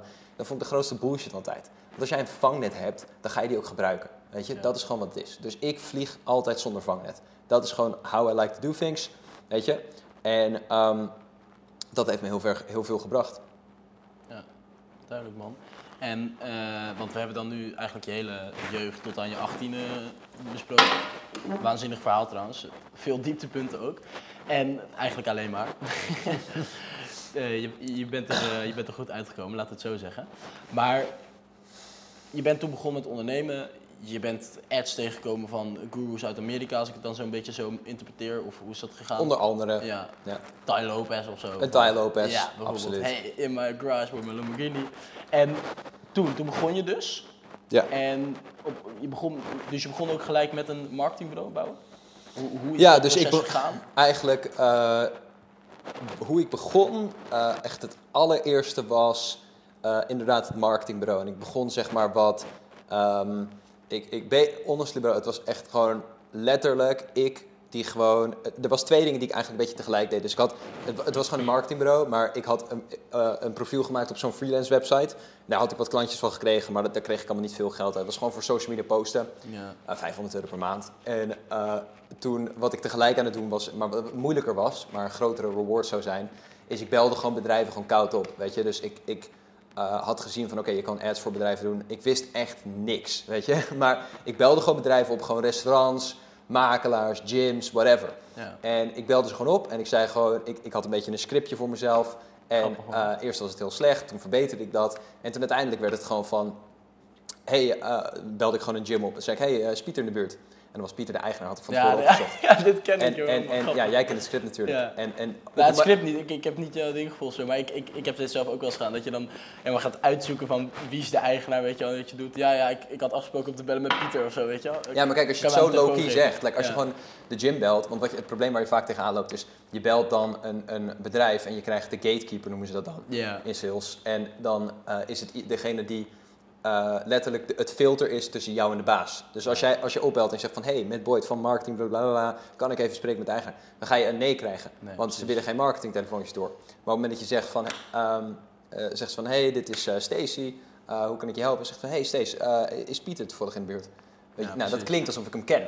Ja, oh, en, en, en als ze dan echt vroeg van, ja, like, waarom, like, whatever, weet je wel. Dan, dan kon ik gewoon zeggen van, oh ja, we zijn geconnect op LinkedIn, ik zou hem heel veel bellen. Weet je, dat is gewoon ongeveer waar. Ik ben een, Ja. ik, ik ben een connectie, whatever, right? Dus, ehm, en dan ging ik vanaf daar, zei ik gewoon van, hé hey, eh, Pieter, luister, heb je heel veel 30 seconden? Eh, ja, like, wie ben je, what up? En zeggen, luister, ik ben Boyd, ik run een marketingbureau, specifiek voor gyms. En weet je, eh, ik zag jouw gym in deze omgeving en ik denk dat je op dit moment nog heel veel laat liggen op het gebied van social media. However, ik zie dat jij hele goede, goede recensies hebt. En dat is het type klanten met wie ik graag werk. En op dit moment hebben wij één, eh, hebben we één spot en één mogelijkheid eh, voor een partnership in de regio Rotterdam. Dus ehm, de reden voor mijn belletje, Pieter, is dat ik je wil uitnodigen om gewoon heel even eh, een 20 minuten brainstorm sessie in te plannen. Zodat ik wat ideeën met je kan delen over hoe dit je misschien zou kunnen helpen. Hoe klinkt dat? Gewoon zoiets, weet je wel? En dit is niet precies hoe ik het zei, of maar Ja, gewoon, gewoon- het is misschien leuk of voor de mensen om te horen hoe ik dat Nou, ongeveer Als je een agency hebt, schrijven. Ja, dus gewoon, gewoon zoiets. En er waren variaties. Maar even, Ja, gewoon ja. iets, iets in die zin. Dan ging ik daar gewoon heen. Maar het is wel leuk om even te vertellen. Ehm, dan ging ik daarheen. En het grappige was, ik was broke as fuck. Want ik woon natuurlijk op mezelf. Hè? En, en ik, ik had een beetje salesbaantje on the side, maar ik verdiende echt geen reet, weet je. Dus ehm, ik, ik letterlijk moest dan met de trein naar plekken toe. En ik begon dichtbij, Haarlem, Amsterdam. Maar ik ging dan op een gegeven moment ook echt naar Den Haag, et cetera. En dan moest ik met de trein daarheen. En ik bedoel, een retourtje Den Haag-Rotterdam, dat is wel gewoon like 30, 30 euro. Of zo kan 30, 40 euro zijn. Ja. Dus ik ging altijd zwart met de trein. Ja, En wat ja, ik dan deed, ik dirkte mezelf een beetje op. Weet je, ik deed een leuk overhemdje aan. eh, gewoon eh, lekker niet je wel. dingetje, eh, laptoptasje, Dell van vijf jaar oud. Eh, en dan ging ik eh, met de trein zwart. En het was gewoon hilarisch, want wat ik dan deed was... ehm, ik ging gewoon staan in die tussencoupé. En dan zie je de conducteur altijd beneden of boven komen, weet je wel. En als hij dan boven komt, dan ga je naar de andere kant van de trein, via de onderste. Dus zo deed ik dat altijd. En dan, het is gewoon, als je erover nadenkt. Je gaat letterlijk naar een bedrijf om een marketingdeal te closen voor 1000 euro, 1500 per maand, whatever, right? En je komt daar aan, je gaat daar letterlijk zwart heen met de trein. You gotta have some fucking balls. Om, om dan daar binnen te lopen als een serieuze bedrijfseigenaar. Terwijl je weet dat je echt nothing to show voor hebt op dat moment. En kijk, het is niet dat ik geen waarde... Ik, ik wist wel hoe ik waarde kon leveren met de ads. Het is alleen, ik had gewoon, zeg maar, nog niks to show voor. Maar de, de klanten die ik in het begin ook kreeg... eh, de eerste had ik gewoon eh, wat, wat trial gegeven. Toen ging dat goed op een gegeven moment. En dus ik, ik leverde wel echt heel veel waarde. Ja. Alleen wat ik probeer te zeggen is... Weet je, je moet wel gewoon eh, jezelf op een bepaalde manier presenteren, ook al ben je dat misschien nog niet in reality. Ja, ja. Grappig man. Leuk. Alright, dan ben ik dus heel erg benieuwd. Hè? Eh, je vertelt dan, je ging dus zwart, et cetera. En je komt dan bij die klanten aan. En ging dat dan direct goed? Of, of heb je heel veel calls gehad, heel veel afspraken gehad, heel veel rejection? Hoe, hoe, hoe ging dat? Nee, sowieso, het is natuurlijk een leerproces, weet je. Dus in het begin, ik weet nog mijn eerste paar meetings wat ik had. Ik, ik had zeg maar zo'n soort van eh, eh, notitieboekje waar je zo'n leer, leren dingetje om, om hebt. Weet je wat advocaten altijd hebben, zo'n dingetje. Ja. Dus daar ging, dat nam ik dan mee en dan had ik zeg maar op het blaadje achter mijn notitieblaadje had ik de vragen staan. En dan deed ik zo en dan keek ik een beetje. Dus het was, zeg maar, het was natuurlijk een leerproces. Like het, sale- weet je, het salesgesprek heb ik het dan over. Eh, de vragen die ik stelde. Ik was natuurlijk ook nerveus. Ik kwam gewoon bij een eigenaar van een, van een goed bedrijf en zo. Ehm, dus ja, weet je, dat was sowieso iets wat, eh, eh, wat niet eh, meteen helemaal goed ging. Maar dat is bij alles. Je moet natuurlijk door een bepaald proces heen. Ehm, en eh, ja, op een gegeven moment werd ik daar beter in, beg- begreep ik dat beter. Ik moet wel zeggen dat ik het vrij, zeg maar, waar veel, like dat, dat zie ik ook, zie je ook terug in de, in de, like de reviews, de video reviews van mijn marketingbureau klanten van, van toen die tijd, van jaren geleden. Eh, daar zeggen ze bijvoorbeeld ook, sommige van, eh, eentje was ook in de video lanceren, daar zeggen ze ook van ja, toen Boyd mij kwam, hij gaf het idee dat hij werkelijk hè, waarde wilde leveren, werkelijk wilde uitvinden of hij zeg maar het waard was wat hij zou gaan vragen aan me. Nou, dat soort dingen. Dus ik kwam wel altijd van een, vanuit een goede intentie, vanuit een goede frame als ik een salesgesprek had. En ik zag het ook nooit als een salesgesprek. Ik zag het wel altijd gewoon van, oké, het is niet, ik probeer niet iets te verkopen. Ik wil gewoon uit te vinden of ik die persoon wel eerst kan helpen.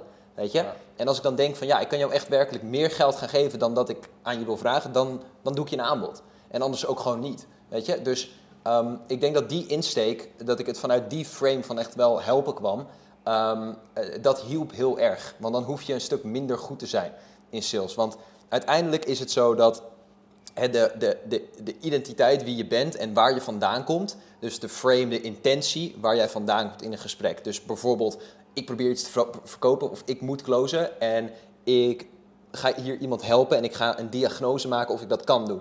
Dat zijn hele verschillende plekken om vandaan te komen. Dus vaak teachen mensen een script en zo. Maar als je vanuit deze plek komt, dan verandert het script automatisch. Snap je? Omdat Ja. je vanuit die plek denkt. Ja, of course. Dus weet je, dat, is, dat, dat, eh, dat ging bij mij al vrij snel gewoon goed. Maar I guess dat, dat was gewoon de intentie. Dat, it, that just made sense for me. Ja. En je, je haalt dan dus uiteindelijk je eerste klant eh, binnen, Ja. neem ik dan aan. Hoe was dat? Was dat echt zo van, echt zo dat je dan Oh, die de eerste uitloopt? klant, dat was echt letterlijk gewoon echt door het dak heen. Ja. Weet je, dat was echt, zeg maar, zo'n ongelofelijke high. Want ik had best wel veel al gedaan. Zeg maar, hoe het bij mij ging is, ik had heel veel meetings al gehad. Ik, slaat, ik, ik niemand, niemand. Ik had een beetje van die freelance shit online gedaan, maar dat was een beetje anders. Een beetje low-key, weet je, een beetje Ja, low level. Upwork of zo.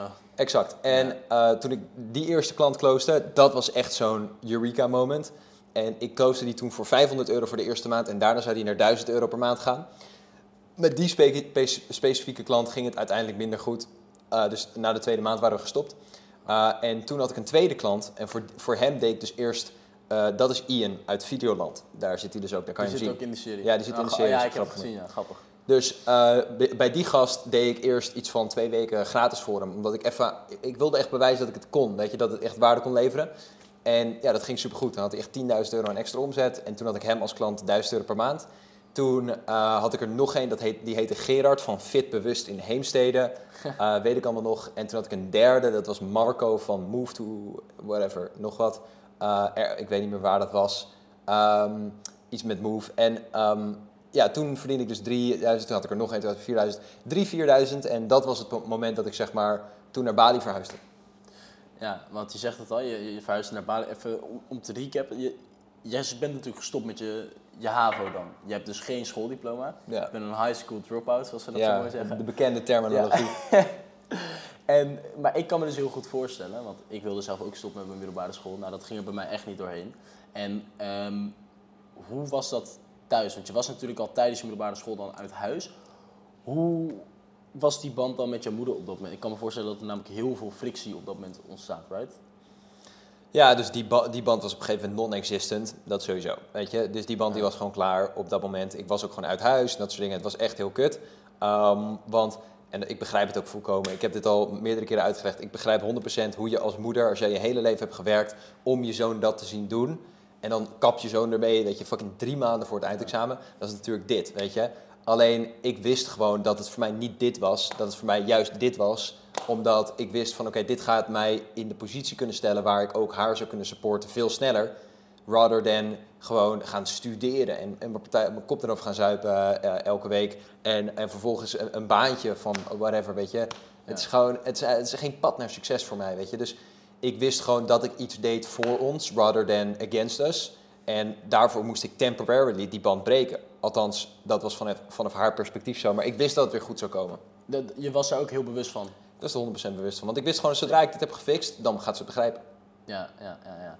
duidelijk. En toen je naar Bali verhuisde, hoe was die band toen met je moeder? Was dat nog steeds broken op dat moment? Uh, nee, het was wel een stukje beter, omdat ik gewoon, ja, toen verdiende ik al gewoon like, meer, dan, meer dan natuurlijk any uh, fucking graduate zou. Ja. Dus uh, toen was het al een stuk positiever. Ja, en toen, je, oké, okay, je verhuist dan dus naar Bali.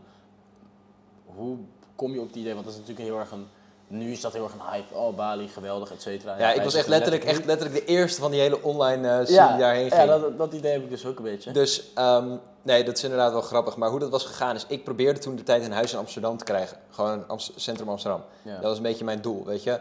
Um, alleen, dat was echt no, dat, dat ging niet lukken. Want ik was een paar maanden profitable en uh, geen enkele landlord uh, gaat jou dan zijn huis geven over een of ander koppel van uh, 32 met een kind. Nee, dat gaat gewoon niet gebeuren. En ik wou ook gewoon een huis van 1500 per, per maand ja. of zo, weet je wel. Terwijl ik net uh, mijn eerste geld verdiende. Gewoon uh, 40% van mijn inkomsten, maar goed.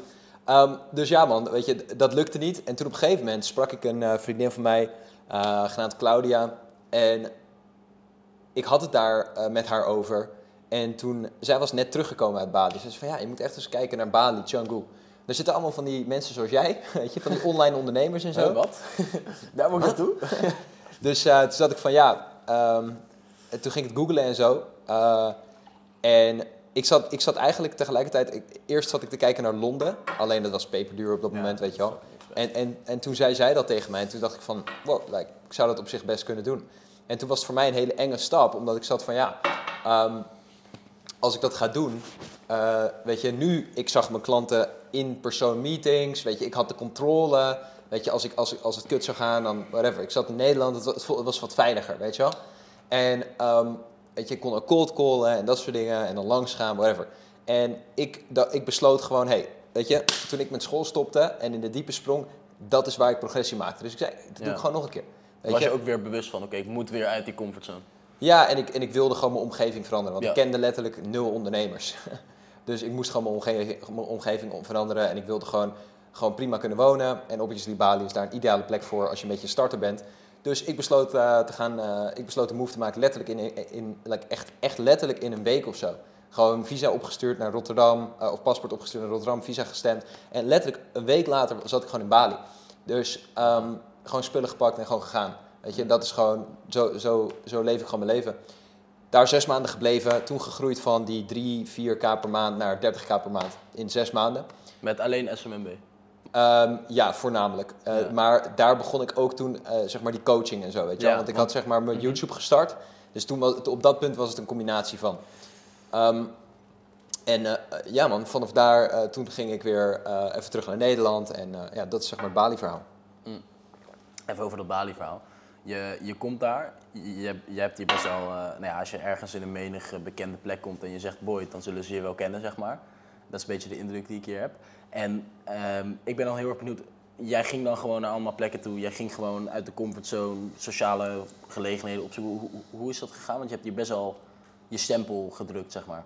Ja, um, nee, kijk, ik, uh, ik was natuurlijk gewoon, uh, toen ik hier eerst kwam, de eerste paar weken ging ik gewoon heel veel uit. En ging ik gewoon mensen ontmoeten. En ging ja. gewoon een beetje like, socialize en shit. En daarna eigenlijk heb ik gewoon in Bali alleen maar gewerkt.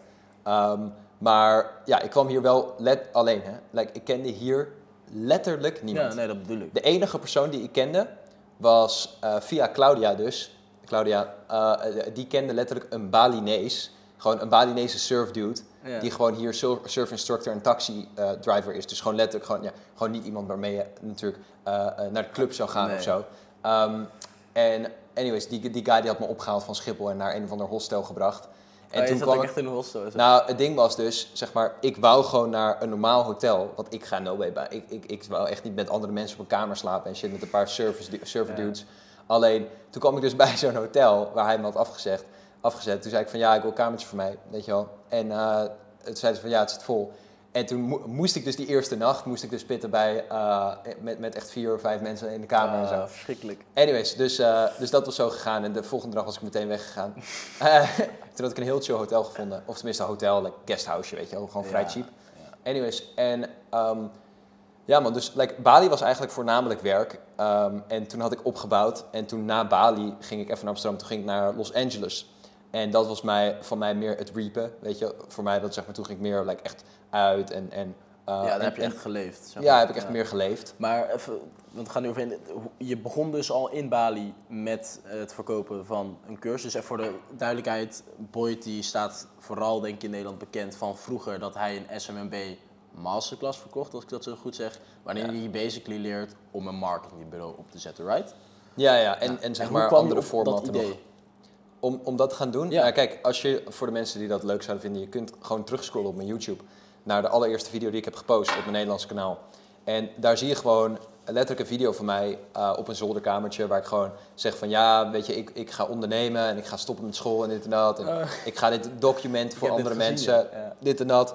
En ehm, ja, vanaf daar begon ik gewoon video's te maken. Gewoon letterlijk omdat ik gewoon het doop vond. En ik had gewoon het idee, dat zeg ik letterlijk, quote in die video. Eh, zeg ik van ja, ik heb het idee dat, andere, dat veel meer mensen dit zouden willen. Weet je, dit soort ambities hebben en zich niet thuis voelen in het standaard systeem. Alleen dat ze niet weten hoe of wat. Weet je, dus daarom maak ik deze video's om gewoon een beetje te documenteren wat ik doe. En eh, nou, eerst had ik een paar video's gemaakt en toen had ik een hele tijd, een paar maanden niks gedaan. Omdat ik gewoon oprecht heel druk was met marketing, weet je. Eh, marketingbureau opschalen. En toen was het best wel goed gegaan. Toen was ik dus naar Bali verhuisd. Toen begon ik ineens weer video's te maken. Weet je wel. Gewoon van... ehm, ik kreeg ook genuinely veel vragen op Instagram van mensen die mij een beetje half kenden. Van ja, wat, wat doe je? Hoe, doe je dit? La, la, la. En toen had ik dus een video gemaakt van ja, hoe ik van eh, gewoon eh, middelbare school, eh, middelbare scholier, niet een ad dit hoor, maar middelbare scholier gewoon ge- ge- naar Villa in Bali of zo. En dat was gewoon een normale YouTube video Ja. waar ik in vertelde van ja, weet je, nou, ik heb dus marketingbureau opgestart en dit is wat ik doe en dit is hoe ik het ongeveer heb gedaan en dit is wat je een beetje het kan verwachten qua geld en dit en dat en dit en dat. Gewoon een heel normale video en daar kreeg ik best wel veel responses op van yo, like, dat willen we leren, dit en dat. En vanaf daar begon het een beetje te ontstaan waar ik zeg maar mensen gewoon een beetje mee ging helpen. Uh, ook mensen die ik half kende. En ja, honestly had ik niet het idee van, oh, like, iemand anders gaat dit ook zomaar kunnen doen, weet je wel. Maar mensen haalden echt letterlijk gewoon klanten binnen in weken waar mij dat in maanden had gekost met de tools die ik ze kon geven. En ehm, ja, dat was voor mij heel surprising. En to be honest, er was ook gewoon een element van jealousy, heel eerlijk. Ja. Uh, gewoon van, ah, fuck, weet je, ik heb hier godverdomme maanden over gedaan. Ass En jij doet het in eh, twee weken omdat ik je de tools geef. Maar tegelijkertijd was het ook heel fulfilling, weet je. En eh, om mensen zo te helpen. Want het, je moet voor- voorstellen hoe, hoe levensveranderend het is voor iemand als die niks van die wereld weet. En dan ineens zeg maar in, we- in weken of in een maand of whatever tijd gewoon een paar duizend euro eh, eh, binnenhaalt. Ja. Ja. dat is natuurlijk echt een complete verandering van je volledige wereldbeeld. Ja, dus, eh, en ik heb zoveel mensen die gewoon echt letterlijk van student echt naar gewoon like, eh, 30, 40.000 euro per maand zijn gegaan. Weet je, like, er zit hier een guy in Bali, heet Roy. Hij verdient gewoon like, 40.000 euro per maand winst, ouwe, met zijn marketingbureau. Die, die guy die ken ik letterlijk sinds hij een student is gewoon. Weet je, Die, gewoon die, die guys bij jou begonnen ook. ja, Fucking hilarisch. ook eh, Sam Postema, die ken je, is ook gewoon bij mij begonnen. Ja. Weet je, Eh, ook, eh, nou, er zijn zoveel, Willem Loy, weet je, het is een guy die nu ook voor me werkt, die verdient ook tering veel met zijn marketingbureau. Het zijn allemaal guys die gewoon studenten waren, weet je. Ja. Dus ja, dat vond ik gewoon heel vet. En toen op een gegeven moment, eh, ja, obviously, ging ik daar op een gegeven moment geld voor chargen. Toen ik gewoon veel Ja. mensen dat, die shit wilden. Ja. Dus, en, en toen ze ook echt het resultaat gingen aan, dus ik van ja, ik ga je gewoon voor chargen. En eh, ja man, toen, eh, toen ging ik even chargen, toen deed ik coaching. En toen uiteindelijk is die cursus ontstaan. Omdat gewoon, nou, ik kon gewoon niet al die calls gaan doen. Ja. En ehm, toen, eh, ja, dat groeide gewoon man. Daar was gewoon heel veel vraag naar. En op een gegeven moment ging ik daar marketing voor doen. En zo is dat helemaal ontstaan. Ja, en, en dan om niet, want het is heel helder, zeg maar, was jij een van de eerste al in Nederland? Of was jij, kwam jij na een, nou ja, zullen ze nou noemen, na een Joshua, na een Chaduan? Ik denk dat ik, volgens, volgens mij was ik wel iets later. Eh, maar ik, ik kende hun niet toen ik daarmee begon. Want het dus was zeg maar... echt zelf moeten uitvogelen. Ja, 100%. Maar zij waren het toen de tijd ook nog. Iedereen was het aan het uitvogelen. Ja. Het was een helemaal nieuw, heel nieuw ding. Maar ik kende hun ook nog niet. eh, ik, like, Joshua op een gegeven moment en ik raakten in contact. Ehm, ja, at some point. eh, toen we een keer elkaars video's hadden gezien. Of hij reageerde een keer op een story of zo, omdat ik in Bali zat. En eh, heel lang geleden dit allemaal. Maar het was gewoon zeg maar. Weet je, we kenden elkaar ook niet e- echt in het begin. Toen ik mijn YouTube-video's maakte, ik wist helemaal niet dat dat echt een ding was. En dat andere mensen dat ook deden. Maar op een gegeven moment, een paar maanden later en zo. eh, en zeker toen ik met die ads begon, toen raakte ik in contact met George en Cha en whatnot, weet je wel.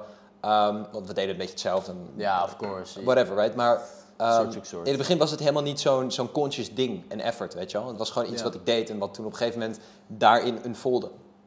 Ja, het, het is gewoon heel, heel natuurlijk, heel organisch. Ja, het was gewoon een heel natuurlijk proces. Ja, nice man. En ehm, je bent toen teruggegaan naar Nederland. En toen deed je het nog een beetje half. Je had toen ook nog geen cursus in Bali, neem ik aan? Eh, toen, eh, wat ik in Ba- ja, toen ik zeg maar in Bali zat, toen, toen deed ik dus de pre-launch eigenlijk. Dus zeg maar, ja. toen was ik bezig met die cursus te bouwen al. En eh, toen, had ik toen had ik een soort van pre-launch ding waar zeg maar, mensen al konden joinen. En dan zei ik tegen die mensen, luister, jullie kunnen joinen.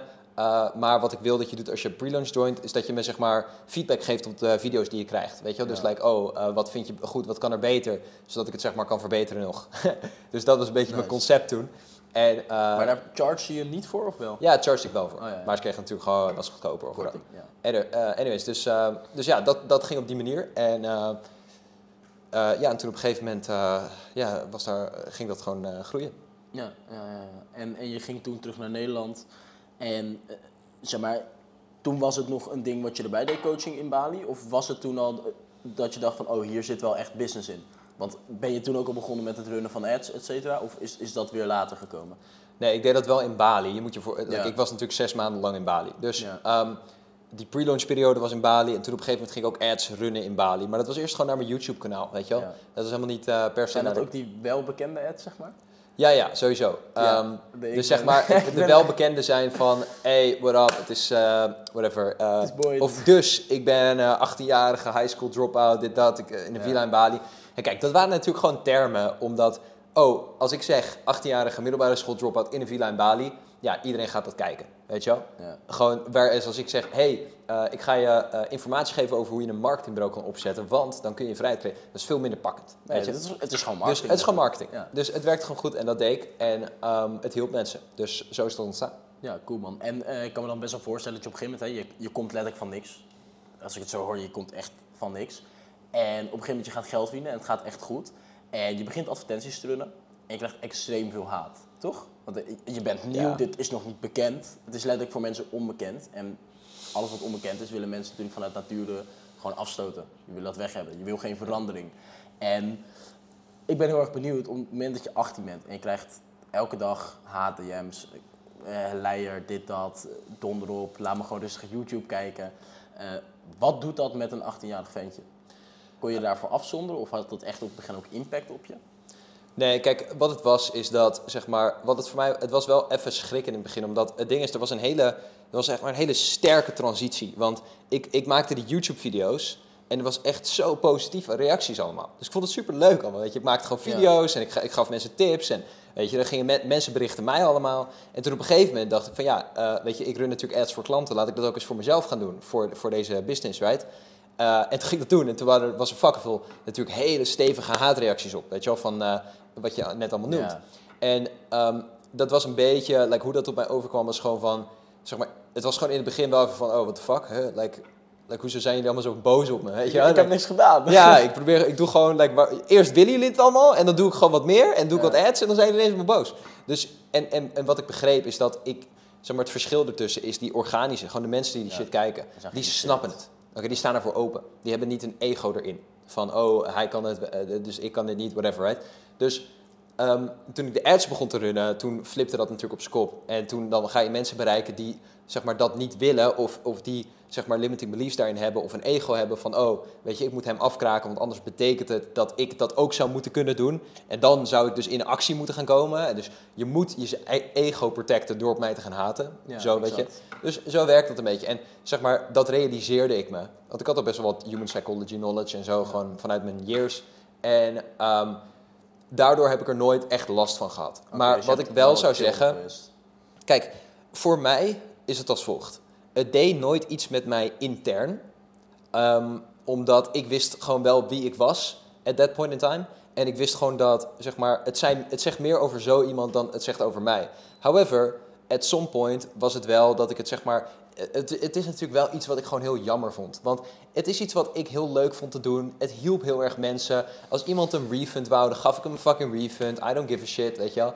Uh, als iemand extra hulp wou, dan kreeg hij dat. Weet je, ik, ik, ik runde mijn business echt gewoon omdat ik het leuk vond en omdat ik mensen hielp. En natuurlijk verdien ik er veel geld mee, omdat ik gewoon goed mensen hielp. En ik had goede resultaten. Er zijn fucking veel mensen die die cursus op een gegeven moment ging maken. En ik ben de enige die in ieder geval in de social media marketing space daar echt dik in is gegaan, omdat mijn product gewoon goed was. Weet je, dus dan kan je in de marketing zeggen, dit heeft dit voor deze persoon gedaan, omdat het werkt. Weet je, waar de andere persoon alleen kan zeggen, oh deze guy heeft 500 euro hier een keer gepakt. Ja, weet je, dat is niet goede marketing. Dus je moet een goed product hebben en je moet uh, mensen echt goed helpen om dat te kunnen doen. Dus ik was altijd op die live calls elke week voor twee uur lang, whatever. Weet je, ik vond het leuk om te doen. En het was natuurlijk heel jammer dat het is eigenlijk, als je er echt eerlijk over na, uh, gewoon echt logisch over nadenkt, is het gewoon iets heel vets en leuks en, en ethisch om te doen. Je helpt mensen met datgene wat jij werkelijk hebt gedaan dat je daar geld mee verdient. Prima, want je levert heel veel waarde. Weet je, om iemand van dat naar 40k per maand, van dat naar 10k per maand of zelfs naar 3k per maand te helpen, dat is heel veel waarde. Dus daar mag je best voor beloond worden. En dat, zeg maar, het is gewoon jammer dat in Nederland voornamelijk um, de perceptie daarvan, uh, vanwege hè, dit fenomeen van ego en, en, en haatreacties, heel erg veranderd wordt naar, oh, dat zijn oplichters en bladibladibla. Kijk, dat is iets wat ik natuurlijk oprecht heel jammer vind. Ik vind het jammer dat, dat, zo, dat je zo, op een, op, zeg maar, zo wordt geframed. Want dat is gewoon niet wat de waarheid is in mijn perceptie. Dus tuurlijk is dat jammer, maar het is niet dat het mij intern echt affect. Maar het is wel iets wat ik jammer vind, sowieso. Ja, ja, ja. Want het, het, is eigenlijk, het verschilt letterlijk niks van wat je zegt van ik heb dat gedaan en ik breng daar een ander iemand toe. Het is precies hetzelfde als een personal trainer zegt, hey, betaal me 90 euro per sessie of betaal me 80 euro per sessie, whatever. En ik heb nu een sixpack en die ga ik jou ook brengen. er zit geen verschil in, alleen het is gewoon iets onbekends. Het bestond nog niet in Nederland. En kijk, niks wat nieuw is. Hè? Verandering wordt nooit geliked op het begin. Het wordt altijd verzet tegenwoordig. Dus ik denk dat je in dat opzicht een, ja, daarin net pech hebt, denk ik. Want nu wordt het ook steeds sociaal algemeen geaccepteerder. Weet je Mensen zien van, oh, het kan ook echt. Weet je? Mensen zien steeds meer in de omgeving. Oh, ik, ik zie daar iemand uh, die ik ken van vroeger, die gaat nu uh, goed met zijn online business of zo. Dus ik denk dat, ja, je, dat je daar misschien ook net pech in hebt. En wat ik wel grappig vind, je vertelt het nu heel erg zo van, oké, ik begon hier en het ging zo. Maar kijk, live is a chart, dat snap jij ook. Het, het kan niet zo gaan, het gaat natuurlijk zo. Dus wat zijn ook in, in jouw in je hele SMB masterclass verhaal echt dieptepunten geweest? Heb je bijvoorbeeld daar ook echt gewoon goede setbacks gehad? Nou ja, kijk, niet per se in het hele SMB Masterclass verhaal. En het was natuurlijk meerdere... Kijk, SMB Masterclass... In die periode, laat ik Ja, ja. Dus zeg maar, als ik kijk naar mijn hele ondernemersperiode... Op een gegeven moment, zeg maar... Um, hoe het een beetje bij mij ging, is alles... Zeg maar, ik begon met een marketingbureau. En dat ging succesvol. Daarna ging ik een educatiebedrijf, de cursus doen. Dat ging succesvol. En toen op een gegeven moment, weet je, ik schaalde die dingen echt, echt groot, weet je. Dus op een gegeven moment deed ik gewoon... Um, nou ja, gewoon toen ik in twee, whatever, uh, toen ik uh, eind 20 was ongeveer, volgens mij, uh, even uit mijn hoofd, ja, eind 20 denk ik, toen deed ik iets van, toen deed ik gewoon een ton profit per maand. Uh, en iets, iets meer dan dat. en dat deed ik dan zeg maar ja, met de, in combinatie van de marketingbureau, de marketing service en de consulting daarin en de cursus. En um, het ding is dat, zeg maar, dat was altijd mijn doel. Weet je, ik wilde, zeg maar, ton per maand profit. Ja. Toen ik daar kwam, uh, uh, toen had ik dat monetaire doel natuurlijk behaald. En, I don't know, toen kwam ik een beetje in, in een positie waar, zeg maar, ik het niet meer uh, leuk vond om het, het, social media marketing bureau verhaal te teachen. Ik vond, ik, het was een beetje oud voor me geworden. Um, dat was gewoon niet, zeg maar, meer wat congruent met mij voelde, gewoon voor, voor mijn soul. Weet je, like de art die ik in de wereld breng. Wat voor mij gewoon een heel belangrijk ding is, een belangrijke value. Um, en nog belangrijker dan geld, weet je. Dus uh, toen kwam ik een beetje in een duw-track positie, waar aan de ene kant ik heel erg mijn business wilde schalen naar 8 figures. Dat betekent natuurlijk een miljoen per maand of 800k, 833, uh, technisch gezien. Aan de ene kant wilde ik dat. En aan de andere kant wilde ik zeg maar niet meer echt dat SM, eh, social media marketing bureau. Ook al verdien ik daar echt tering van geld mee. Omdat het gewoon, ik had het dan het gevoel, het is niet mijn purpose. Het voelt niet congruent meer, weet je. Met datgene wat ik echt long term wil doen. Laat ik het zo zeggen. Ik stelde mezelf de volgende vraag. Wil ik dit nog de komende 10, 20 jaar doen? En toen zei ik tegen mezelf, nee, dat wil ik niet doen de komende 10, 20 jaar. Ik vond Facebook ads en dat soort dingen vond een beetje saai worden, whatever. Dus um, ik had het gewoon een beetje uitgekeken. En um, er waren natuurlijk wel verwachtingen op me. Ik had een team, weet je, en dat soort dingen allemaal. Dus ik zat in een positie waar ik heel veel geld verdiende, maar waar ik hogere kosten kreeg. En ook verwachtingen waren van mensen dat ik die shit deed. En dat was een beetje een moeilijke periode voor mij. En toen kreeg ik ook best wel wat health challenges. Ehm, en ja, daar heb ik ook wel een periode zeg maar echt in een burn-out gezeten. Omdat ik ja, ten eerste heel hard werkte. Ten tweede datgene wat ik deed niet echt meer leuk vond. Niet echt enjoyde. Ehm, en het niet echt congruent meer voelde met datgene wat ik wilde doen. Weet je? Uh, en, en, daarnaast, uh, ja, gewoon, zoals ik zei, wat health challenges had. Dus um, dat, was, dat was een moeilijke periode. Weet je? Dat was een tijd waar het gewoon wat minder goed ging. Na al, alle upwards, dat het gewoon een tijdje wat minder goed ging. Ja. En um, ik denk dat veel ondernemers zo'n periode wel even hebben. Je moet die hebben. Ja, nou ja, ik zou niet zeggen je moet die hebben. Want het, zeg maar, ik wil nooit zeg maar, het overgeneralizen op iedereen. Weet je? Want het kan een limiting belief worden dat iemand dat creëert omdat hij denkt dat hij het moet hebben. maar in general, ja, weet je, de meeste ondernemers gaan daar wel doorheen een keer en daar leer je van. Ja. Dus, anyways, um, dat is sowieso iets wat, um, wat zo was. En toen op een gegeven moment, kijk, voor mij, uh, mijn marketingbureau vond ik sowieso wel tof. Uh, wat ik sprak met serieuze bedrijfseigenaren, was wel lachen. Maar um, ik had altijd al zo'n passie voor psychologie, weet je? Voor mindset, psychologie en human behavior, et cetera. En ik wilde daar eigenlijk echt iets in gaan doen. En um, voor mij was dat zeg maar een moeilijke periode, omdat ik heel erg in die marketing space zat en ik wilde daar wat meer in gaan doen. Dus toen op een gegeven moment maakte ik een beetje die transitie van, weet je, gewoon informatiecoach naar transformationele coach. En zeg maar, weet je, deed ik dingen als NLP, wat ik met jou natuurlijk heb gedaan wij, voor de mensen die het weten, like, bij uh, Oli zit een één op één coaching track met mij. Uh, dus weet je, dat soort dingen deed ik en uh, hypnose, et cetera. En um, weet je, toen begon ik zeg maar een ander soort coach te worden. In mijn mening zijn er twee soorten coaches. Je hebt eigenlijk een teacher, iemand die gewoon iets teacht, weet je wel, gewoon informatie teacht. En een coach, en dat is echt iemand die zeg maar, meer op transformatie focust. Dus zeg maar echt jou als persoon verandert. Echt, echt je mind echt verandert, weet je. Dus met het onbewuste kan werken. Die iemand kan laten stoppen met roken. Die iemand kan laten, uh, zijn motivatie kan laten herpakken. Die iemand, weet je, zelfverzekerdheid kan geven. Whatever, right? En ook je business kan schalen door die dingen natuurlijk. Maar um, weet je, dat is echt het vak coaching. En dat heb ik altijd het meest doop gevonden. Um, en toen wilde ik daar meer in gaan doen. Dus dat is dan ook hè, mijn main focus op dit moment. Ik heb nog steeds mijn marketingbureau. Uh, maar die transitieperiode, want dat is waar je naar vroeg, was lastig omdat ik heel erg deze publieke identiteit had. De marketing guy, ja. et cetera, et cetera. dat was ik, right? En ik verdiende er ook nog eens fucking veel geld in. Dus het was een beetje duw-trek beweging, want ik wilde eigenlijk dit gaan doen en hier meer naartoe bewegen. Um, en die transitieperiode was heel erg moeilijk voor me. Weet je, dat was echt, echt een kutperiode. Uh, niet helemaal. Want ik bedoel, tegelijkertijd had ik een van de grootste huurhuizen in Amsterdam. 300 vierkante meter binnen, 300 vierkante meter buiten. Ik gooide de vetste feesten daar allemaal. Weet je, ik ontmoette like, allemaal vette mensen. All over de wereld geweest. Like Milaan, LA, whatever. Right? Dus het was alsnog een fucking dope leven. Maar ja. voor mij is like, dat wat ik doe, mijn werk, mijn purpose, de impact die ik maak en zo, is het belangrijkste. En uh, op het moment dat dat niet goed zit, dan kan je echt best wel like, depre uh, depressief worden. En ja. zo label ik mezelf nooit, want dat is niet uh, iets waar ik mee zou willen identificeren. Ik denk ook niet dat dat krachtig is, maar dat waren wel de gevoelens waar ik, die er een beetje waren. En dat is simpelweg omdat het zo'n belangrijke value voor mij is, mijn, mijn purpose. je hebt natuurlijk, toen je begon, hè, in één keer kreeg je heel veel weerstand vanaf buitenaf. Veel mensen die een mening klaar hadden staan over wie jij zou zijn, wat voor een oplichter jij zou zijn, wat voor een fraud, et cetera wat, uh, als ik jou zo kennen uh, kan zeggen, onterecht is. Um, hoe heb je dat nu ervaren? Je hebt natuurlijk, hè, we laten niet onder stoel of banken stelen. Je hebt natuurlijk een Videoland-serie uh, Laten we het niet onder stoel nee, of banken stelen. Nee, ja. dit, dit, is best wel een, een, ding natuurlijk in Nederland. En um, de reacties daarop, wat ik in mijn uh, omgeving meekrijg... en ook in de space waar wij zelf actief zijn, hè, online ondernemen... zijn wel wisselend.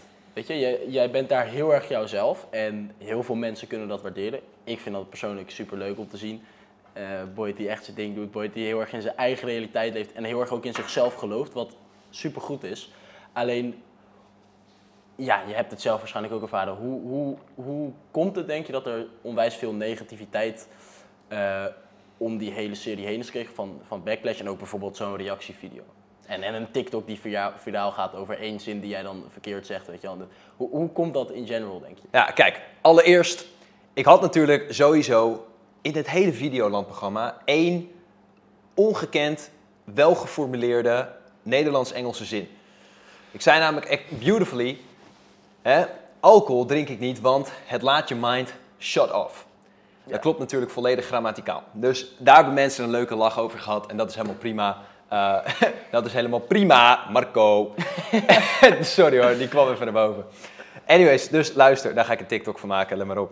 Maar anyways, uh, dat is, ik, ik kan er wel om lachen, weet je. Het is, het is wel geinig. Maar het is gewoon, zeg maar... Kijk, mensen begrijpen niet hoe zo'n, hoe zo'n serie wordt gemaakt. Ja. ik heb letterlijk op... Weet je, ik zat in Barcelona op, op, uh, op zaterdag. Toen op zondagochtend begonnen we de shoot. Ik was op twee uur slaap, echt in meerdere dagen. Want ik was in Barcelona uitgegaan en zo. Um, en, en ik moest toen urenlang die shoot doen. En we hadden veel te weinig tijd in het land. Dus alles bang, bang, bang, bang. En zeg maar, op tv is het gewoon, je verneukt één zin. En je wordt, weet je, het wordt helemaal gegrilled. Dus, maar um, yeah. either way, like, weet je, fine. Like, dat zinnetje, uh, mensen vinden het vervelend dat ik Engels en Nederlands praat. En die zin klopt ook geen reet van. Dus, weet je, ik kan wel meelachen. Maar um, voor de rest, uh, ik vond het Videoland-programma uh, best wel leuk. Weet je, het, was, uh, het had verschillende aspecten erin. Um, het was zeg maar mijn professionele leven. Het was de ene kant van mijn business, de andere kant van mijn business. Niet alles was natuurlijk precies goed ge, um, laat ik, gerepresent, laat ik het zo zeggen.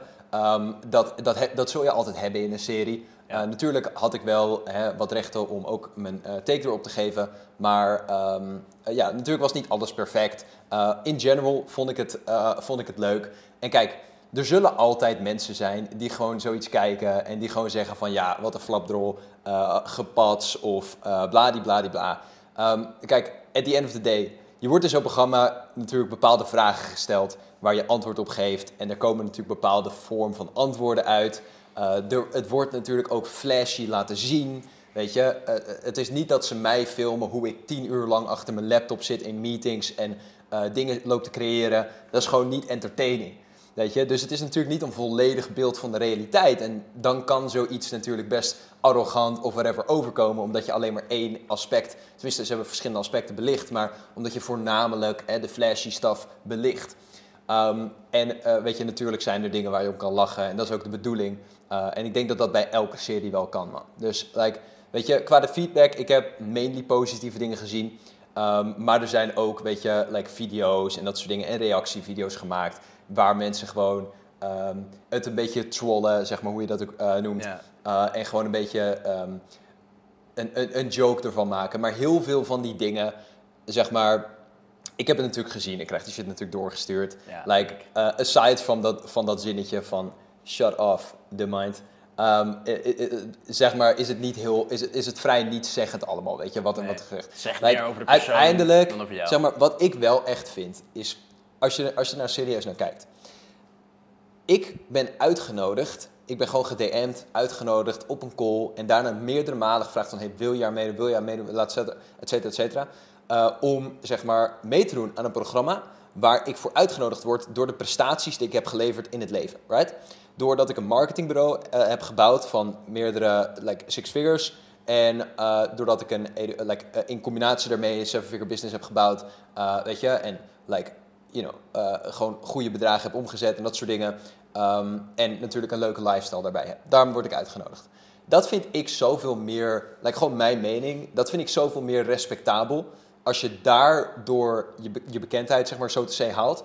Versus iemand die gewoon denkt, ik heb niks bereikt in het leven. Weet je? En dat is een generalisatie, is niet iedereen, maar in general is dat wel zo. Ik heb niks bereikt in het leven. Um, ik heb geen leuk sociaal leven. Ik heb geen geld. Laat ik eens een keer aan Love Island mee gaan doen. Of aan Ex on the Beach. En dan ga ik eens even mijn hele leven transformeren. Omdat ik aan een of ander sociaal programma doe waar je geen enkele kwalificatie voor nodig hebt. En ik ga mezelf gewoon like, half voor lul zetten in zo'n programma uh, voor de cloud. Weet je, dat is wel waar het voornamelijk op neerkomt. Dat is gewoon mijn mening erover. Als je het er niet mee eens bent, dan kun je in de comments haten. Maar ik vind het zoveel, ik vind het zoveel meer respectable om uh, hè, uitgenodigd te worden uh, door je prestaties en dan op zo'n programma neer te zetten wie je bent. En weet je, ik heb dat best transparant neergezet allemaal. En um, daar misschien, hè, voor sommige mensen niet, maar misschien een entertaining programma van te maken. Uh, probeer het leuk te maken. Uh, probeer uh, zo real mogelijk te zijn. En dat is gewoon wat ik heb gedaan. En kijk, er zullen altijd mensen zijn die sowieso naar alles wat ik doe kijken vanuit een bepaalde judgmental lens, puur door wat ik heb gedaan met mijn advertenties. En ik denk dat dat meer is het aspect om erop in te zoomen dan de serie zelf. Omdat ik denk dat op het moment dat je al iets bekijkt vanuit een bepaald geloofssysteem. Een geloofssysteem is als een bril. Right? Als ik kijk vanuit het geloofssysteem van, oh, ik vind hem een oplichter, want ik heb een paar keer een ads van hem gezien, dan zie ik die hele serie heel anders. Dan kijk ik door een rode bril. Versus als, ik, als, je, als je mij niet kent, dan kijk je dan eens door een blauwe bril. Right? Ja. Ehm, dus ik denk dat dat een groot deel ervan is. Ik denk dat er een stigma hangt in Nederland rondom het cursusverhaal. En ik, ik, ik doe niet eens de cursussen meer echt. Like, ik doe coaching en ook dan voornamelijk met echt high-level ondernemers. Weet je, die investeren echt tienduizenden euro's om met mij te werken. Soms nog meer, weet je. Uh, en, dat zijn serieuze samenwerkingen. En soms krijg ik ook percentages van dingen in, in een consulting format, whatever. Dus ik doe serieus werk en ik doe niet meer echt like, die cursus game. Maar dat is iets wat ik vroeger heb gedaan. En ik ben er trots op. Wat ik heb gedaan, wat ik heb neergezet, de mensen die ik heb geholpen. Maar je kan er niet omheen dat er een stigma omheen hangt. En dat mensen gewoon een bepaalde judgmental bril daarvan krijgen. En ik denk dat mensen voornamelijk daardoor naar die serie kijken. Met een bepaald uh, uh, like, geformuleerde mening vooraf al. Begrijp je wat ik bedoel? Ik begrijp 100% wat je bedoelt. Wat ik wel ook heel erg heb meegekregen, los van dat, kijk, de mening van die mensen is denk ik ook niet heel interessant voor jou. Weet je, dat zegt niet zoveel over jou, dat is meer een projectie van hun eigen, vaak onzekerheid. Ja, ja, ja. Kijk, jij bent exact zo zoals je in die serie ziet. Jij bent gewoon extreem confident en jij doet precies waar je zelf zin in hebt, right? Ja, nee, zeg maar, wel binnen bepaalde perken. Tuurlijk, Weet je, als ik iemand op zijn bek wil slaan, normen, dan doe ik dat niet per se. Nee, nee, Afhankelijk van de situatie. nee. precies, maar er zijn ook, denk ik, heel veel mensen die dat gewoon niet trekken. Die, die denken van, hoe kan iemand zo erg in zijn eigen realiteit, zo erg in zijn, hè, zo zelfverzekerd zijn? En ik ben dus heel erg benieuwd, uh, waarom denk je dat, dus los van dat mensen jou, er zijn ook mensen die jou niet kennen en die ook dat, dat beeld hebben daarvan, weet je? Ja, ja, ja, ja. Hoe, hoe denk je dat het komt dat mensen daar echt heel slecht op gaan? Dat, dat kinda super zelfverzekerd, misschien een beetje hè, braggish, eh, om zo te zeggen hoe dat voor mensen overkomt. Hoe denk je dat dat vanuit de psychologie, wat natuurlijk in jouw expertise valt, komt dat mensen zo'n natuurlijke reactie daarop hebben? Eh, kijk, ik denk, um, goede vraag allereerst. En ik denk dat het zeker een element ervan is. Um, kijk, uh, hoe ik overkom. Kijk, en je noemt, je noemt een aantal keer in de podcast, weet je, dat ik zelfverzekerd ben en dat ik mezelf zo uit en zo. En ik wil ook wel aanstippen van, weet je, het is niet dat ik zo like, goed ben of dat ik zo zelfverzekerd ben of whatever. Maar het is gewoon, of tenminste, weet je, het is gewoon een resultaat van iets waar ik gewoon heel laag begon en gewoon heel hard aan heb gewerkt. Net als dat ik een business heb gebouwd. Weet je, net als dat ik naar de gym ga. Als jij een, een ripped body hebt en je laat het op social media zien, vind ik dat je dat best mag doen, want dat is gewoon iets waar je hard aan hebt gewerkt. Weet je, maar mensen. Uh, like, de denkwijze is anders bij iemands persoonlijkheid, usually. Right? Mensen ja. zien dat anders dan een body bijvoorbeeld. Uh, however, ik denk inderdaad dat mijn manier van presenteren gewoon heel bland is, heel direct. En soms kan dat een beetje like, confronterend zijn. However, ik denk, like, ik vind mezelf niet uh, like, patserig. Ik voel mezelf ook helemaal niet beter dan andere mensen. Want ik, ik denk helemaal niet in dat soort paradigma's. Ik denk niet in een paradigma van, oh, ik heb meer geld. Of hij heeft meer geld dan mij. Of whatever, zij is knapper dan mij. Of whatever it may be, weet je wel. Like, ik denk niet in dat soort paradigma's. En dat is exact de reden dat ik in staat ben om een guy te coachen die miljoenen meer dan ik heeft. Weet je wel, die like, tientallen miljoenen heeft. Waar ik, weet je, ja. dat niet heb, bijvoorbeeld. Um, en ik denk dat dat heel krachtig is om te doen. Maar, en heel gezond is om in dat paradigma te leven. Maar om je vraag wat concreter te beantwoorden. Waarom triggert dat mensen? En waarom hebben mensen een, een, een krijgen mensen zeg maar zo'n... Um, ja, wat je, wat je zegt, een beetje een, een, een, een confronta uh, confrontatie-respons ervan. Ik denk dat het, um, als je het vanuit een psychologisch aspect uh, bekijkt, dat het verschillende dingen kan zijn. Right? Nummer één is natuurlijk wat ik net zei, dat in de serie kan ik braggish overkomen, maar ik denk dat het meer is omdat ze natuurlijk mijn lifestyle wil laten zien en omdat ze ook bepaalde dingen erin zetten en omdat ze ook bepaalde vragen aan je stellen als je daarin zit. Ja. Zeg maar bijvoorbeeld met dat stukje van mijn huis, als dan vragen ze letterlijk aan je van, hey, um, eh, ga je die afwasser wel gebruiken? Hè? Of, of oh, eh, like, ga je niet afwassen? Weet je, dat soort dingen. Ze vragen ernaar natuurlijk. Ja. En kijk, natuurlijk is het je eigen verantwoordelijkheid om daar gewoon een real antwoord op te geven. Maar ik geef daar een real antwoord op. Want dat is hoe ik denk. En ik ga dat niet veranderen, omdat het misschien niet even lekker overkomt op tv. Wat ik zeg, inderdaad, nee, ik ga inderdaad niet de afwas doen. Want ik like, huur daar liever voor iemand voor in, omdat ik daar hard voor heb gewerkt om dat te kunnen doen. Niet omdat ik me daar te goed voor gevoel, maar simpelweg omdat ik mijn tijd liever elders besteed en de ruimte heb om dat te doen, dat ik daar simpelweg hard voor heb gewerkt. Dus dat is gewoon hoe ik erin sta. Dus dat is dan hoe ik ook dat eerlijk uit. Maar dat is denk ik reden één. Simpelweg dat er veel flashy dingen in uh, worden gezet en ook gerichte vragen om natuurlijk dat soort antwoorden. En ik denk, als je mij echt normaal leven zou zien, dus als je zeg maar een normale week uit mijn leven zou nemen, versus de Videoland week uit mijn leven, laat ik het zo even als een voorbeeld geven, um, dan zou je een heel ander beeld van mij hebben. Omdat je Ja. natuurlijk veel verschillende... Like, als ik jou iedere keer alleen maar film, als jij aan het uitgaan bent, ik noem maar een voorbeeld, right? Dan denkt iedereen dat jij een dronken idioot bent. Ja. Eh, bijvoorbeeld, hè? Ik, ik zeg niet dat het zo is, maar dat komt omdat de lens wordt heel erg daarop gefocust. Dus dat is gewoon zo'n serie, het is een flashy serie en dat is exact hetzelfde met die advertisements. Kijk, ik moet daar natuurlijk edgy overkomen. Ik moet daar mezelf op een bepaalde manier neerzetten om te kunnen competen, om echt kliks te krijgen en dat soort dingen. En als je eenmaal in de game zit, als je eenmaal in dat spel zit, dan is het natuurlijk je doel om ieder- iedere keer te verbeteren, right? Dus dat is simpelweg gewoon de wereld waar je in speelt. En op een moment dat dat dan ook in zo'n serie wordt gezet, ja, dan gaan er natuurlijk mensen getriggerd raken. En vooral bij iemand als mij, die gewoon zich zo presenteert, die heel direct is, weet je. En ehm, zo kom ik gewoon over. En, en weet je, dat kan mensen gewoon triggeren, I guess. Maar ik denk wel dat ehm, alle mensen die mij ooit persoonlijk hebben gesproken, of die ooit met mij hebben gewerkt, of die ooit een cursus van mij hebben genomen, zeg maar, er is een reden dat ik letterlijk één keer in mijn hele carrière een eh, akkefietje heb gehad met iemand. Eén keer in mijn hele carrière heb ik een akkefietje met iemand gehad. En dat was, ik zal het je ook gewoon precies vertellen hoe dat is gegaan. Dat was omdat deze jongen had een mastermind gekocht. Wat een live mastermind eh, eh, was, waar zeg maar limited plekken waren. En toen letterlijk vier dagen voor de mastermind zei hij van, oh ja, ik wil toch cancelen. Wat natuurlijk niet kan, het is een live mastermind. Dan, dan, Ja. pa- dan, dan, steel je, dan neem je eigenlijk 3 euro, eh, 3000 euro of 4000 euro weg hoeveel het ook kost. Right? Dus dat is letterlijk het enige akkefietje. En ik denk dat dat komt omdat gewoon... Kijk, ik weet zelf dat mijn FX op de juiste plek zitten. Ik weet zelf de redenen en mijn drijfveren waarom ik dingen doe. En ehm, voor iedereen... eh, kijk, als je mij op een oppervlakkig niveau ziet... ehm, wat deze podcast dan niet was. Weet je, dit is een diepere podcast. Dus ik denk als de mensen van de serie, die die serie hebben gekeken bijvoorbeeld... een podcast als deze kijken... dat ze een veel beter idee hebben van wie ik werkelijk ben. Want ik ben veel meer dan zeg maar het flashy en whatever. En in de Videoland is dat gedeelte van mij, mijn diepere gedeelte, mijn meer connectiegedeelte, mijn, mijn vulnerable gedeelte. En die aspecten van mezelf zijn er wat minder uitgekomen. Omdat het zo'n serie is, omdat ik niet 100% kan zeggen wat erin komt en wat niet. Natuurlijk wel deels, maar dat is gewoon wat het is. En ehm, kijk, als mensen dat willen uitvinden, dan kunnen ze dat doen. Weet je, dan kunnen ze iets als dit kijken. Als ze dat niet willen, dan eh, is het natuurlijk ook fijn. Maar at the end of the day denk ik dat dat een beetje de redenen zijn. En dat, zeg maar, ik weet at the end of the day wie ik ben intern. En dat baseer ik op dingen waar alleen ik controle over heb. Niet externe feedback. En daarom waved mijn self-esteem of mijn, hoe ik mezelf zie, dat, dat waved niet als, als, als de wind, zeg maar. Weet je, met de feedback van anderen. En ehm, ja, weet je, ik, eh, eh, dus dat is, ehm, dat, dat zit goed. En eh, voor mensen die, eh, weet je, meer, once again, een diepere understanding eh, ervan willen of dat leuk vinden of interessant vinden, zijn er podcasts zoals deze. En dan kun je gewoon zien wie ik echt ben. Want ik ben meer dan, zoals ik net zeg, een beetje showy, boaty. Dat is gewoon de serie, bro. Like, Ja. Dat is gewoon hoe die dingen gaan. Ja.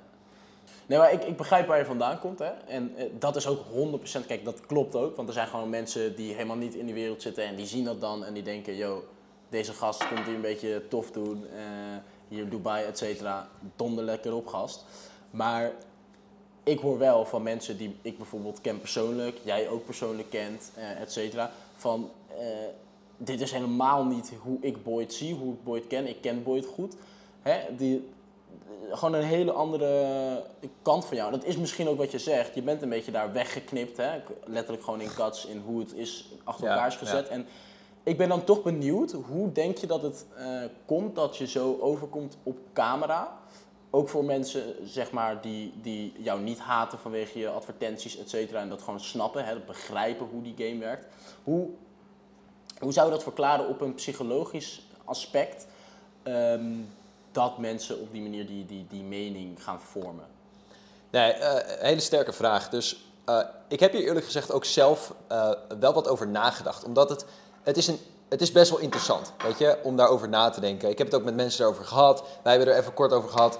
Eh, en kijk, wat ik denk, en, ehm, eh, is, is voornamelijk dat, zeg maar, ik heb, en dat is iets wat ik voornamelijk ook heb ontwikkeld, gewoon door mijn turbulente jeugd en, en alle, overal alles waar ik ben geweest.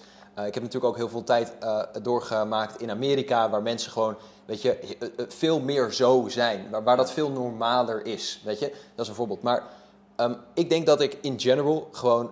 Kijk, als ik mensen in persoon ontmoet, dan, wat je net zegt, weet je, mensen die mij ook persoonlijk Ja. kennen, dan, dan, dan kennen ze mij als een, ja, iemand die echt wel like, hè, ze- met zekerheid overkomt en, en, en direct is en dat soort dingen. Maar ook iemand die echt heel aardig is, heel gul is, dat soort dingen allemaal, right? En heel caring is. Best grappig ook af en toe. grappig, weet je, dat soort dingen. Like, ik ben een heel vrolijke guy, Ja. weet je, dat is oprecht hoe ik ben. Like, ik ben niet eh, like, eh, serieus alleen maar zo, zo, zo zitten, weet je, dat is gewoon niet wie ik ben. Alleen, ik denk, weet je, zoals ik in mijn eerste, eh, in het antwoord dat ik hiervoor gaf, sowieso denk, is dat eh, er een hele bepaalde kant van mij belicht is in Videoland, omdat ja, dat is natuurlijk een beetje wat ze daar neer wilden zetten. Ze willen een soort van archetype en dat is interesting en dat poelt mensen in.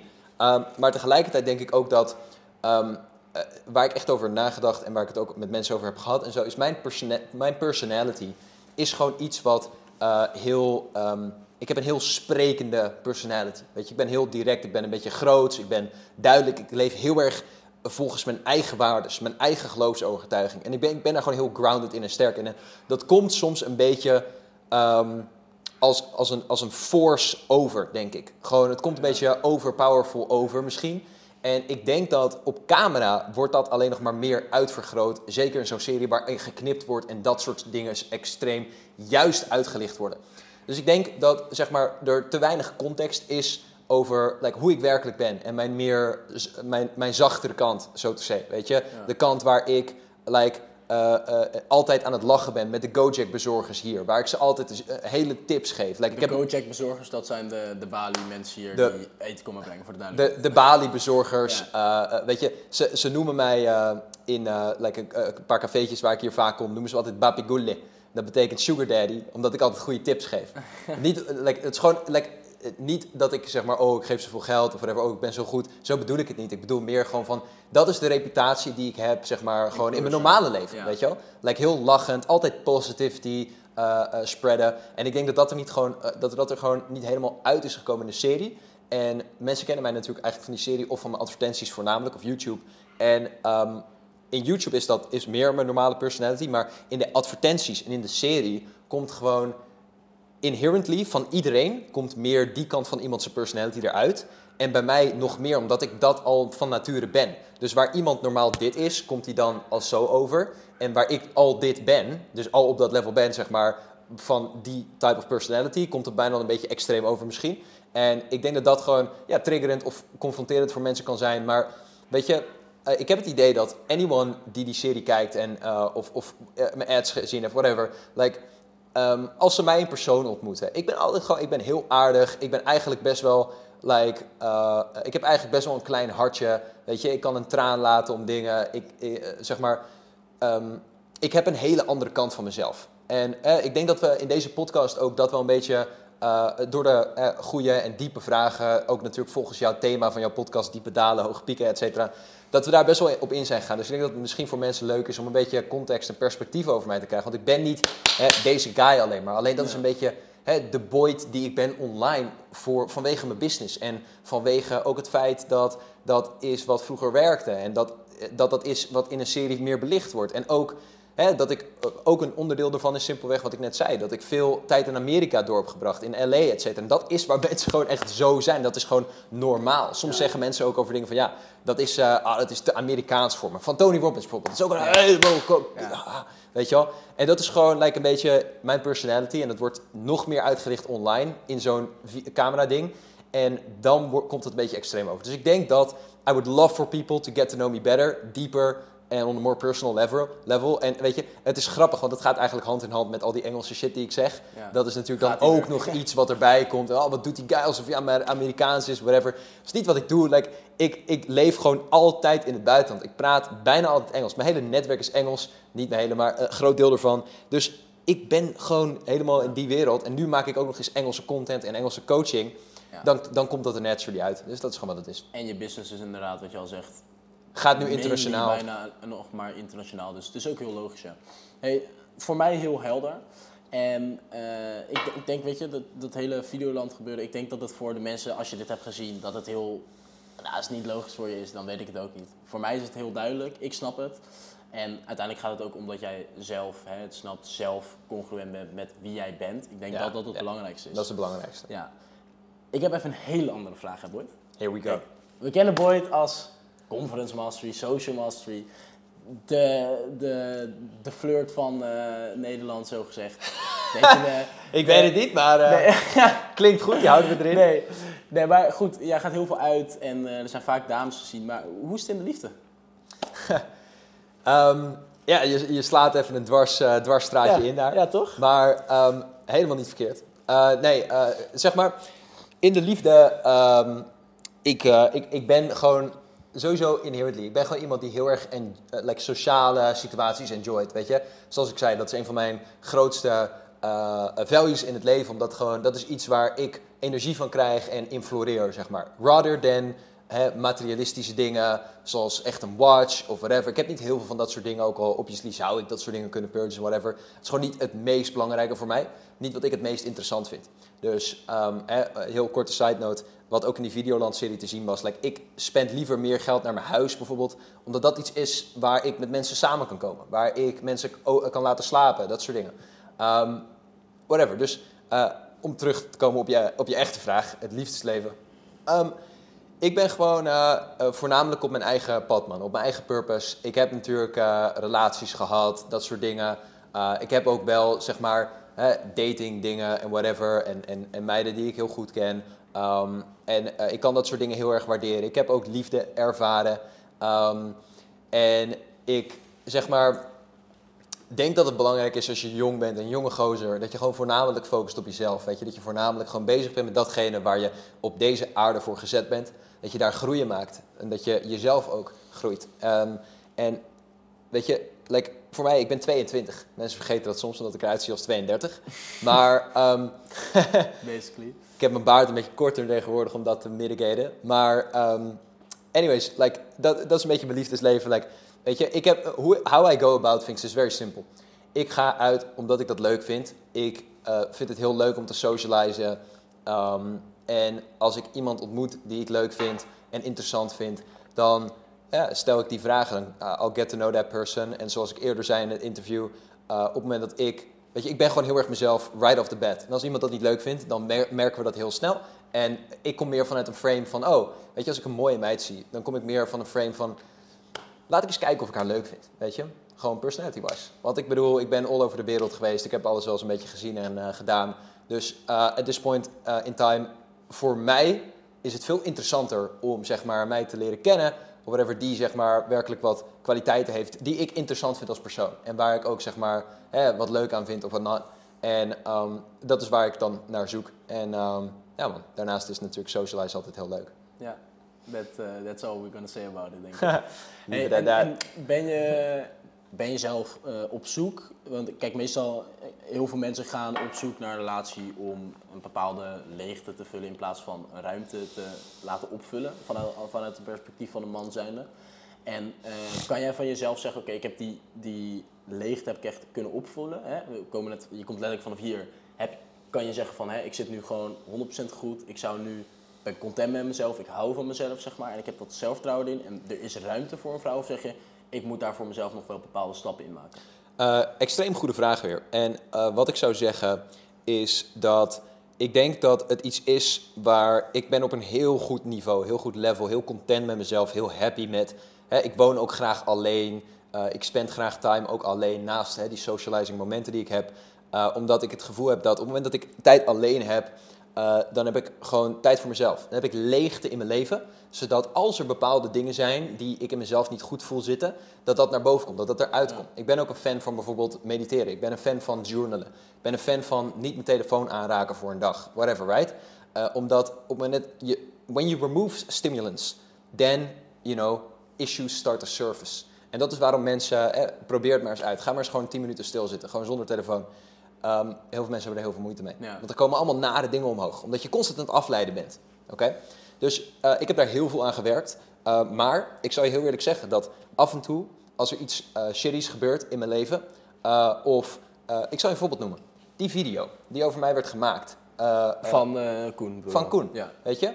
Ehm, dat is iets wat zeg maar. Kijk, natuurlijk. Eh, eh, de dingen die hij zei, weet je, het is al, er is gewoon, there's no depth to it, weet je, Nee. het is niet dat ik iets, ik heb niks verkeerd, whatever, right? Maar tuurlijk was er wel een beetje emotie bij me van, jammer weer, weet je, dat, dat algemeen Nederland zoiets waar gewoon iemand eh, zijn best heeft gedaan en, en iets leuks probeert neer te zetten, dat mensen dat zo opvatten. Tuurlijk is er iets bij mij wat jammer is dan. En ehm, dit was natuurlijk recent dat dat gebeurde, dus daarom kan ik het als voorbeeld geven. En ik ben ook helemaal niet bang om mezelf eh, hè, als, als imperfect neer te zetten, want ik ben far from perfect. Let me be very fucking clear. Uh, ook al stipt hij een paar keer aan dat ik confident ben, tuurlijk heb ik mijn, eh, momenten. Ook al heb ik er hard aan gewerkt. Dus bijvoorbeeld toen, hè, dan, dan voel je dat, dan komt dat in jezelf. En eh, dan voel je een bepaalde emotie, right? Een bepaalde emotie. En wat mensen dan graag altijd willen doen, is daar meteen van escapen. Meteen iets te pakken om dat af te leiden en dat weg te halen. Maar ik zie emoties meer als signalen voor iets waar je mee moet dealen, rather than escape from, right? Dus ook sommige coaches teachen heel erg van, oké, change your state, put, put on some music, go outside, whatever, do some shit. Like, dat deed ik vroeger. Wat ik nu liever doe, is gewoon just sit there in silence, breathe into it. En, en gewoon vragen, what does this mean, or whatever, right? En laat het omhoog komen en journal it. En ehm, dan kun je met die emoties dealen. Maar de reden dat ik dit allemaal zeg, is het volgende. Wat ik heb dan bijvoorbeeld in zo'n moment, eh, als ik die emoties voel, is dan denk ik van, oh, laat ik even een date opzetten voor vanavond. Laat ik even een meid zien, whatever, right?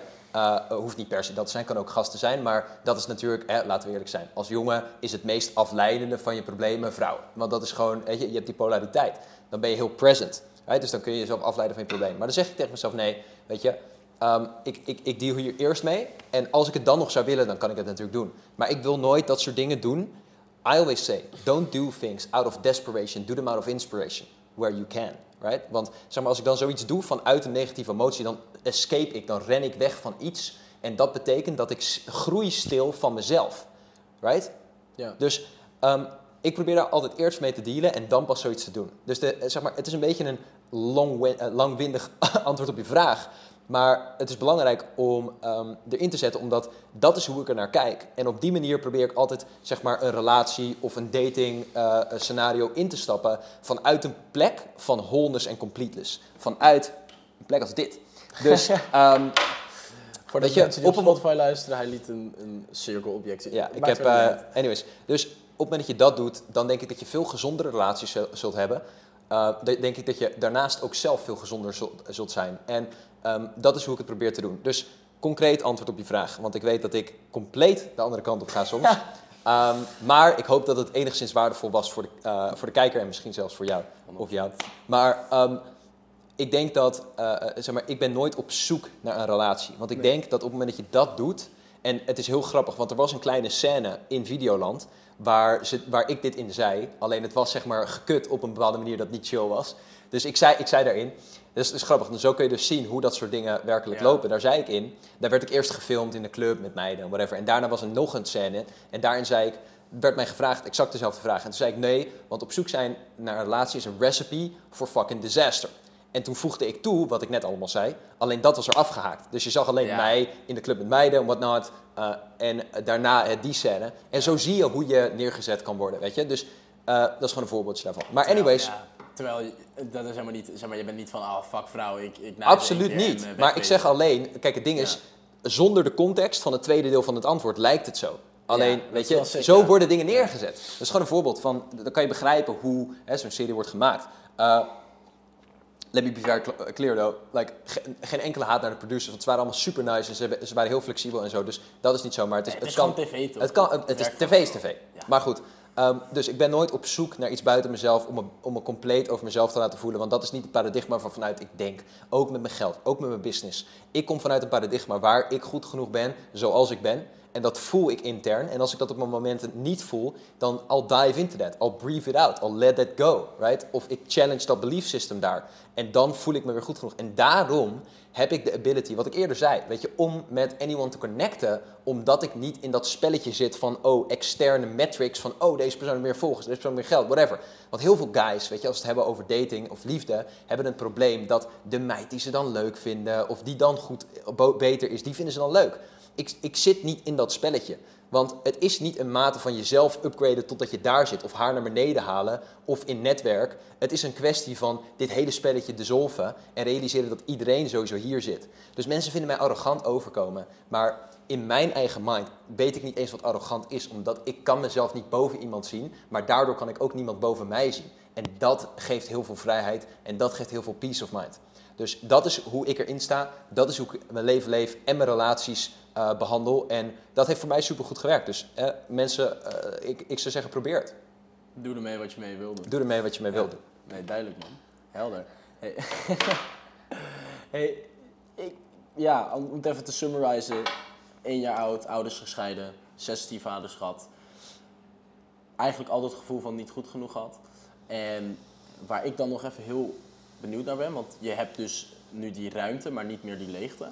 Maar wat is, concreet, was het, is er voor jou een concreet punt geweest, of zijn dat meerdere stappen geweest, waarin je echt die leegte kon vullen van het gevoel van niet goed genoeg zijn? Wanneer, wanneer gebeurde dit in journey? Want als we nu even teruggaan op, waar we net uh, eerder in de podcast waren. De business die ik heb gebouwd en de sociale successen die ik in early uh, teens behaalde, of early teens, gewoon in het begin van mijn development, was allemaal om een gevoel van goed genoeg bij mezelf te installeren. En dat werkt niet met externe dingen, zoals ik eerder al zei. Dus mijn volledige motivatie was dat. En dat was overigens, ja, weet je, je gaat een beetje een uh, langer antwoorden uh, komen dan een ja of nee. Of dan één moment. Maar um, het Zijn we niet gewend van jouw lange antwoorden? Ik dus- bedoel maar, weet je, ik dacht, ik, ik, ik, ik gooi eens even een, een variabele de podcast in. Maar luister, um, de, het probleem daarmee is, en ik noem dit eigenlijk het ondernemerssyndroom, omdat zoveel ondernemers dit hebben. En dit is een groot deel van het werk wat ik doe met mensen. Ook trouwens, godverdomme met jou, ja, hebben wij hier letterlijk op dit gewerkt. Dus um, het probleem is wat mensen hebben, is dat ze hun business willen gaan bouwen. En geld willen gaan verdienen. En cloud willen gaan krijgen. Of wat, al, al die dingen. Of connecties. Of sociale resultaten. Puur omdat ze denken dat ze zich dan goed genoeg gaan voelen. Of dat ze dan happy over zichzelf gaan zijn. Of happy gaan zijn. Maar die meter die verschuift altijd, zoals ik eerder aangaf. En er is nog een probleem mee. Op het moment dat jij zeg maar uh, daar dan komt, oké, omdat je zeg maar, uh, stel je komt bij die ton per maand, hè, zoals ik had, en je was alleen maar gemotiveerd door, oh, dit gaat me goed genoeg laten voelen. Op het moment dat je daar dan komt, dus dit was nog een challenge die ik heb, die ik eigenlijk niet heb gedeeld om mijn antwoorden compact te houden, maar dat is al sowieso niet gelukt. Hè? Dan kom je bij dat punt en dan, dus dan kom je bij dat punt en het probleem is, luister goed, Mensen zijn gemotiveerd door pijn en plezier. Pijn duwt mensen weg, plezier trekt mensen ergens naartoe. En op het moment dat je gemotiveerd bent door het gevoel van, oh, ik wil mezelf goed genoeg laten voelen, dan ben je dus gemotiveerd door de pijn van, um, ik voel me niet goed genoeg nu. Dus dat is wat je motiveert. En op het moment dat je bij dat punt komt, en stel het zou werken en je voelt je dan goed genoeg, of stel het zou niet werken, want het werkt eigenlijk nooit, dus laten we daarvan uitgaan, het werkt niet en je komt daarachter, dan raak je dus bang al je motivatie kwijt. Want je merkt dus van, oh, dit, dit spelletje wat ik dus speelde en alle motivatie die ik had, dat werkte dus niet om datgene te behalen waar ik het eigenlijk heel eerlijk allemaal voor deed. En weet je, mensen zeggen soms van, oh, conference, bla bla bla, dat is niet zo belangrijk. Dude, um, het is niet superficial. De hele consumer culture, wat betekent hè, de consumerende cultuur van mensen die producten kopen, zoals watches, whatever it may be, is gebaseerd en de marketing daarvan is gebaseerd compleet op het feit dat mensen zich inherently intern niet goed genoeg voelen. Want dat is hoe marketing het frame naar jou. Die human need is een van de sterkste in de wereld. En dat wordt gebruikt door billion dollar advertisers all over the world to sell you as much shit as possible. Want ze laten je, ze flashen een image met, oh, dit is de guy die de, die de vrouwen krijgt, whatever, met de watch of met de parfum of whatever. En ze, programmeren je subconsciously, continuously uh, om zeg maar, jezelf niet goed genoeg te voelen without. Hè? En op het moment dat je dat continuously ziet en dat geloofssysteem zit er al bij jou, dan voedt dat het ook nog. Dan zit je dus iedere keer in het paradigma van ik moet dit hebben en dan en dan en dan. En dat iedere jaar verschuift dat weer. Net als met de iPhone die ieder jaar 13, 14, 15 gaat komen. Dat blijft maar gaan. Dus je wil uit dat paradigma volledig stappen, het intern trekken, je locus of control intern hebben, niet extern. Dus locus of control betekent simpelweg waar jij uh, controle over hebt. En um, dat kun je intern trekken. Dus de waarde die jij zelf hebt als persoon, dat je je goed genoeg voelt, et cetera, dat kun je beter intern beslissen en intern baseren in plaats van extern. Dus mensen uh, baseren het extern op hoeveel geld ze verdienen, op wie ze kennen, op hoeveel volgers ze hebben, whatever, right? Of zelfs op, like, oh, ik ben een kickboxer, oh, whatever, right? Dat zijn externe dingen. Als jij ineens, als je de serie Lost hebt gezien, als jij ineens op een eiland komt, fuck, goede serie trouwens, niet kijken, want je raakt verslaafd.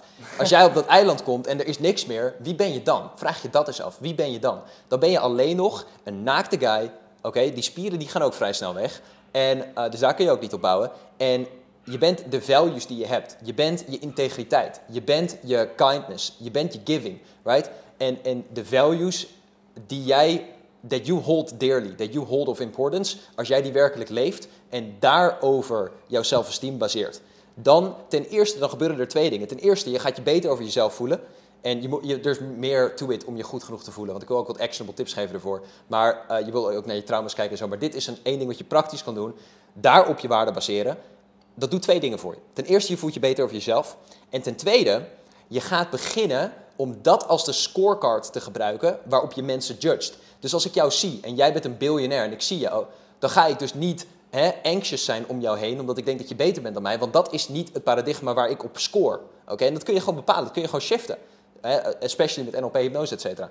En op het moment dat je dat shift, dan kun je mensen zien voor wie ze werkelijk zijn. Dan kun je door het masker heen kijken wat mensen proberen, what, which they try to put out, right? En dan kun je werkelijk connecten met mensen. En weet je, dat is denk ik waar ook dat vandaan komt. Waar jij zegt, mensen die mij ook persoonlijk kennen, hebben een hele andere view op mij. Omdat ik juist op zo'n deep level connect met mensen. Omdat dat is hoe ik opereer. Weet je? En dat is ook wie ik ben. Dus anyways, dat, dat, dat zou mijn advies zijn daarop om je antwoord, uh, vraag long-winded te beantwoorden. Ik heb geen idee meer wat de vraag was. Maar ik ook ik niet. vond het echt een heel goed antwoord. nice man. Nee, echt super helder. Ja, ik uh, weet niet of iedereen het thuis kon volgen. Je moet begrijpen, guys. Dit is mijn passie. Dit is wat ja. ik doe. Ik praat. Ik geef uh, deze shit. Uh, en als je het niks vindt, dat is ook fijn. Like, I get it, weet je. Het is niet ja. voor iedereen. Maar dit is gewoon wat ik doe. Dus ik blijf praten. Het komt er gewoon vanzelf uit. Omdat ik leef dit, ik doe dit, ik coach dit. Dus het is gewoon mijn ding. En weet je, dat laat ik niemand van me wegnemen. En um, uh, het is gewoon mijn ding. Dat, het is gewoon waar ik impact mee maak op de wereld en wat ik geef aan de wereld. Het is mijn gift van mijn existence, even though it's very minor. Dus ja, ja het is nee, wat het is. Man. Hey, Boyd, we hebben eigenlijk alles wel besproken. Alle, alle diepe dalen, alle hoge pieken. Op een schaal van 1 tot 10, hoe, hoe gaat het nu met de business? Uh, het gaat echt Want je bent natuurlijk echt geshift hè, van SMB. Je bent nu echt bezig met dit wat je net vertelt, wat je fucking leuk vindt om te doen. En Ja. meer echt je passie. Ehm, je bent dus echt gegaan voor je passie in plaats van het geld wat je ook vertelde. En dat was een hele moeilijke beslissing. Hè. Ga ik dan nu Ja. die, die 100, 200k profit maanden achterwege laten en echt gewoon doen wat ik echt tof vind. En hoe is dat, want ze zeggen altijd, if you follow your passion, money will follow you. Hoe, Ja. hoe is dat bij jou op dit moment aan het gaan? Nou, dat is een hele goede vraag, want ik denk dat mensen dat misschien ook zelf zich afvragen. Hoe is dat nou geëindigd? En eh, ik zal eerlijk zeggen, eh, het gaat nu extreem goed. Ik kan ook gewoon volledig transparant zijn. Die coaching business waar ik het over heb, weet je, de performance coaching, de mindset coaching, de confidence coaching. Ik pak daar misschien eh, een ton profit mee. We hebben net in een maand dan.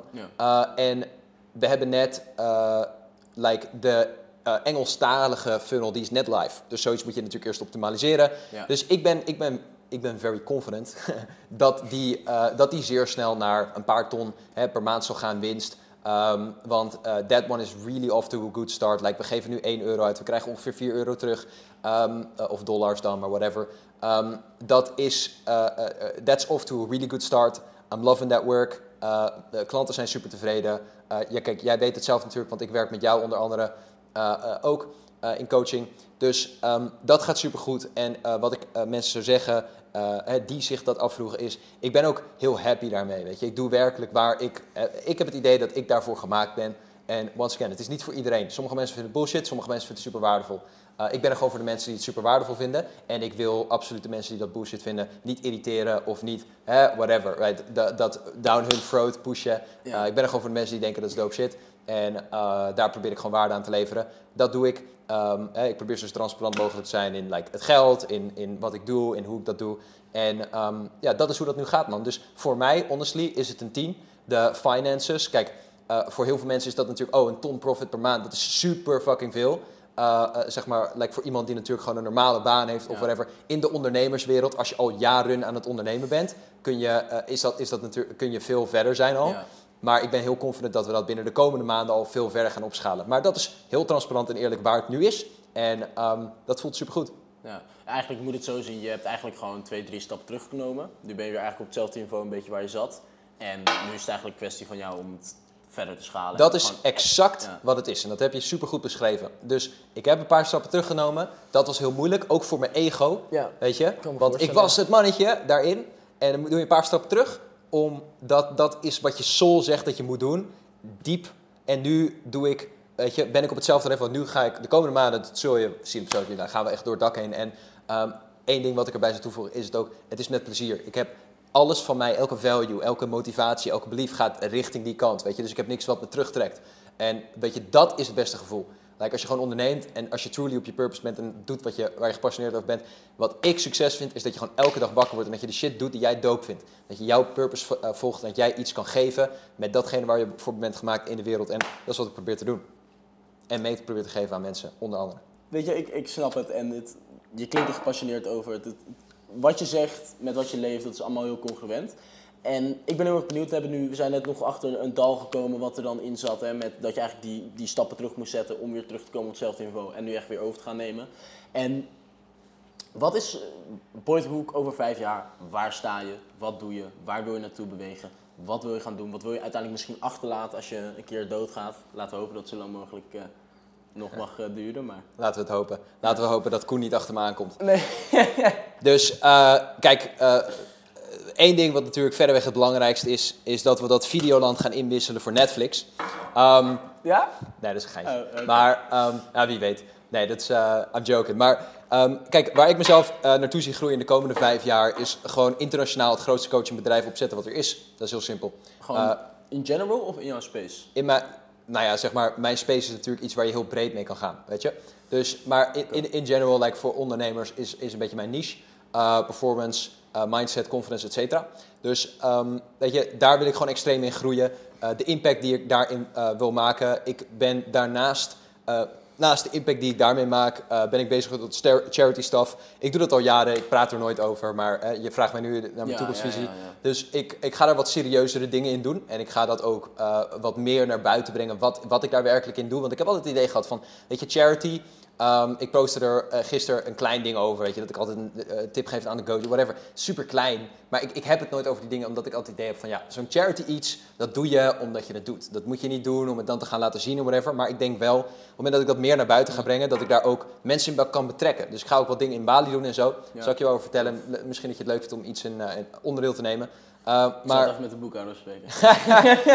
dus anyways, luister. Um, dat is gewoon wat ik wil doen. Ik wil gewoon exact wat ik nu doe veel groter maken. Daarnaast, um, dat heb ik ook in Videoland verteld, ik heb ook nog wat, hè, ik heb consulting uh, um, aandelen zeg maar in andere companies. Ja, um, was en sterk, uh, weet je, omdat ik daar een waardevol aandeel genuinely kan leveren. Het is eigenlijk een soort van marketingbureau, maar dan met mijn psychologische consulting, coaching en sales, et cetera.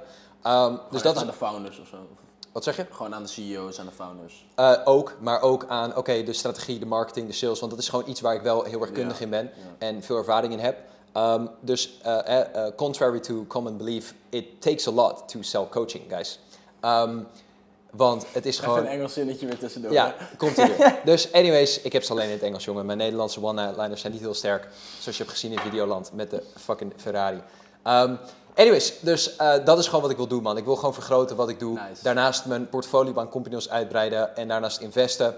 Um, en uh, weet je, dat is eigenlijk waar ik al mee bezig ben. Dus ik wil alles gewoon vergroten, op een groter level doen. En um, dat is uh, mijn concluderende antwoord op je vraag. Nice man. En dan ben ik nog even benieuwd. Je vertelt net heel erg, er komt ook bij jou best veel geven naar, naar voren als ik zo hoor. Waarde geven, waarde delen. Eh, en je had net ook van ja, dat wilde ik eigenlijk niet eh, publicly posten, want eh, dan doe je dan wel vanuit een goede intentie. Denk je niet juist dat ook ja, als je dan laat zien dat je dat doet, dat je misschien ook hè, dat dat stigma van mensen vinden je arrogant misschien kan wegtrekken en ook dat je ook mensen kan motiveren en inspireren om ook meer te geven. Want uiteindelijk is hè, wie geeft die leeft, weet je wel, living is giving, bla Ja, ja.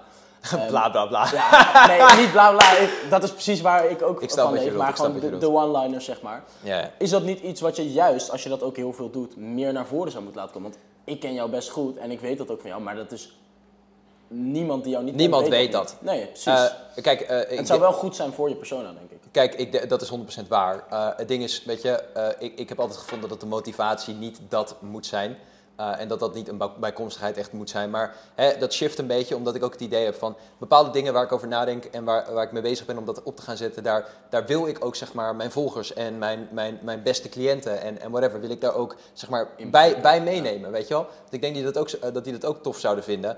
Ehm, dus ik ga dat wel meer doen, maar met een andere intentie. En ja, een bijkomstigheid zal 100% zijn dat mensen meer zien wie ik echt ben. Maar weet je, eh, eh, dat is meer dan het oh, eh, dit en dat en, en het flashy, wat mensen van me kennen. En dat is gewoon de nature van de business, de nature van de serie geweest. Hè, dat is jammer, maar daarom, weet je, daarom vind ik het leuk om dit soort podcasts te doen. Want ik kan wat meer geven van wie ik werkelijk ben. Ehm, eh, dus weet je, ik doe dat het liefst op deze manier, maar zeker, like, dat soort dingen zullen daar echt wel aan bijdragen. Alleen ik denk, het, het is niet mijn main motivatie om dat te doen, omdat ik denk, ja, je main motivatie moet gewoon zijn om het te geven, zonder Ja. like, verwachting om daar Nee, iets van terug te krijgen. Nee, duidelijk man. En nog even terughakend op hè, eh, waar je naartoe wilt, grootste in de coaching space. Vind ik, vind ik een heel mooi streven, maar wat is dan eh, de meetfactor daar dan? Is, is dat dan zoveel mogelijk reviews hebben, zoveel mogelijk profits maken, zoveel mogelijk impact? Op, op wat baseer je Ja, kijk, zijn? luister, laat ik het zo eigenlijk eh, framen. Als ik zeg grootste, wat dat voor, want kijk, op het moment dat je een woord zegt, voor mij betekent het iets heel anders dan voor jou en Ja. voor jou. Dat is gewoon hoe het werkt. Ehm, dus kijk, vroeger zou ik het heel erg meten van, oh, de meeste volgers of de meeste eh, fame of de meeste, eh, het me- de meeste revenues. Nu voornamelijk meet ik het gewoon, zeg maar, op impact. Natuurlijk ook op geld, want dat is gewoon een meetlat. Ja, precies. Weet je, dat is het enige echte datapunt waar je naar kan kijken. Dus op mijn coaching trajecten, ook al is het zeg maar niet specifiek een businessmodel, kijk ik wel altijd van oké, hoe kunnen we je bottom line zeg maar echt twee, drie x'en in de, in de zes maanden of whatever dat we samenwerken. Zodat je in ieder geval echt noticeably kan zeggen van oké, dit heeft me echt letterlijk 2, 3x money gebracht en de rest is bonus. Snap je? Dus dat is ook hoe ik Ja. mijn coaching traject het liefst run. Dus tuurlijk, dat is een metingfactor. Maar ik eh, ben gewoon, zoals ik eerder al zei, ik ben minder in dat, in die, tuurlijk, ik ben competitief. Dat is iets wat naturally in zit als man. Maar ik ben minder van, oh, ik wil de meeste, weet je, want ik ben gefocust op het geven. En ik denk dat dat eh, in turn, zeg maar, de meeste benefits ook voor jezelf geeft. Dus, ehm, weet je, als ik zeg de grootste, dan focus ik het meeste op de impact die ik maak. Dus hoeveel mensen ik help, hoe goed ik ze help. En eh, ook hoeveel plezier ik daar zelf aan heb. Ehm, en eh, ja, of ik echt wat revolutionairs kan neerzetten, man. Alright, ik denk dat we hem wel echt zo hebben gehad. Weet je, we hebben enorm veel diepe dalen besproken. Net kwam er ook weer eentje naar voren die we nog niet eens hadden gehoord. Hè. En eh, ook de hoge pieken. En je hebt e- extreem veel waarde gedeeld. En ik wil je sowieso onwijs erg bedanken voor het komen. Ik vond een hele gezellige podcast. We hebben veel gelachen. Dat hebben de kijkers niet gezien, maar een aantal keer was de camera leeg. Dus we hebben ook eh, een redelijk dagje erop zitten met het schieten. En ehm, ik ben benieuwd, is er nog iets, Boyd, wat je zou willen toevoegen? Of dat je zegt, oh, dit wil ik echt meegeven aan de mensen. Of eh, dit vind ik grappig om te delen. Gewoon puur voor het einde van de podcast. Ja, kijk, ehm, wat ik zou zeggen, gewoon de meeste mensen die dit zullen kijken, zullen waarschijnlijk ondernemers zijn. En ehm, allereerst trouwens, voordat ik dat stukje eh, zeg, ik wil ook jou heel erg bedanken. Gewoon, ik vind het een hele, is- honestly, ik denk dat dit de beste podcast is die ik ooit heb gedaan. Gewoon omdat je hele diepe vragen stelt. Je podcast heet natuurlijk ook Diepe Dalen, Hoge Pieken. Dus ik vind dat je leuke vragen stelt. ehm, en dat je nou, eh, like, eh, diepe vragen stelt en, en goed, goede reflectievragen. Dus echt Ja. leuk, dan komt er leuke shit uit. Dus dat vind ik mooi. Ehm, dus I appreciate dat ten eerste. Ten tweede, ehm, kijk, voor de mensen die dit kijken, die hè, willen ondernemen of die verder willen komen in hun leven of wat dan.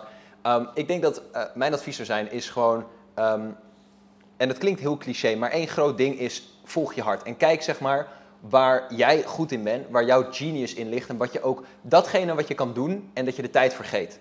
Want dat is uiteindelijk wat jij 10, 20, 30 jaar kan doen zonder enige energie kwijt te raken. En waar je de grootste impact in kan gaan maken. En dan kan je werkelijk goede business gaan bouwen. Want, you know, in deze space, in deze online space, als je heel veel praat over business-business model en dit en dat en dit en dat. Ik denk datgene waar jij echt een passie voor hebt en waar jij echt, hè, als je dat dan wel in een business format zet, dat je dat uh, als uh, purpose kan volgen en dat je dan echt een leuk, impactvol leven voor jezelf kan creëren. En als ik dat zeg over, denk na over waar je goed in bent en focus daarop. Um, ik weet, weet je, zeker met die serie waar we het net over, even over hadden, like, mensen vinden soms dat ik wat arrogant overkom of een beetje overconfident of whatever. En ik denk dat het gewoon belangrijk is om te realiseren van, yo, wees heel confident in de dingen waar jij goed in bent. Maar realiseer ook de dingen die je niet kan. En wees heel confident in het feit dat je daar niet de beste in bent. Right? En besteed dat uit in je business. Of um, neem een businesspartner zoals jij hebt. Right? Ik noem een voorbeeld. Dus, um, en, en, en heb daar ook geen ego in. Right? Dus zeg maar, ja, ik kan heel uh, uh, strak zeggen over mezelf van oké, dit hier ben ik heel goed en daar kan ik je het beste mee helpen. Bijvoorbeeld. Maar ik, kan ook, ik ben ook wel gewoon heel uh, open in het feit dat bijvoorbeeld, je moet mij niet inhuren als accountant. Nee. Je moet mij ook niet inhuren om de afwas te gaan doen. zoals, je, zoals jullie hebben meegekregen in, uh, in het mooie Videoland-programma. Dus weet je, uh, er zijn heel veel dingen waar ik fucking slecht in ben. Uh, er zijn heel veel dingen, heel veel momenten waar ik compleet op, op mijn bek ga. Um, en um, ik denk dat je daar gewoon eerlijk over moet zijn. En dat je daar dan progressie uit kan halen. En dat je de juiste hulp moet zoeken bij mensen die je daar goed bij kunnen helpen. Dus dat zou ik uh, uh, zeggen om hem af te ronden als een klein stukje practical advice on top of all the uh, more like high level type of stuff that we, waar we het over hebben gehad. En once again, jou heel erg bedankt voor de mooie podcast die veel te lang heeft geduurd in opnametijd. Want zoals jullie misschien kunnen zien is het toch volledig donker buiten. En we, zijn, we hebben al onze afspraken volledig gemist. Maar um, het was het waard. Ik hoop dat jullie het vet vonden. En um, props naar jou. Op deze noot gaan we afsluiten. Dankjewel Boyd. Jullie thuis, als jullie hem tot hier helemaal hebben gekeken. Ik heb geen idee hoe lang hij is. Maar ik wil je waanzinnig erg bedanken voor het kijken naar de podcast. Ik hoop dat je er heel veel waarde hebt uitgehaald. En ik zie je bij de volgende episode.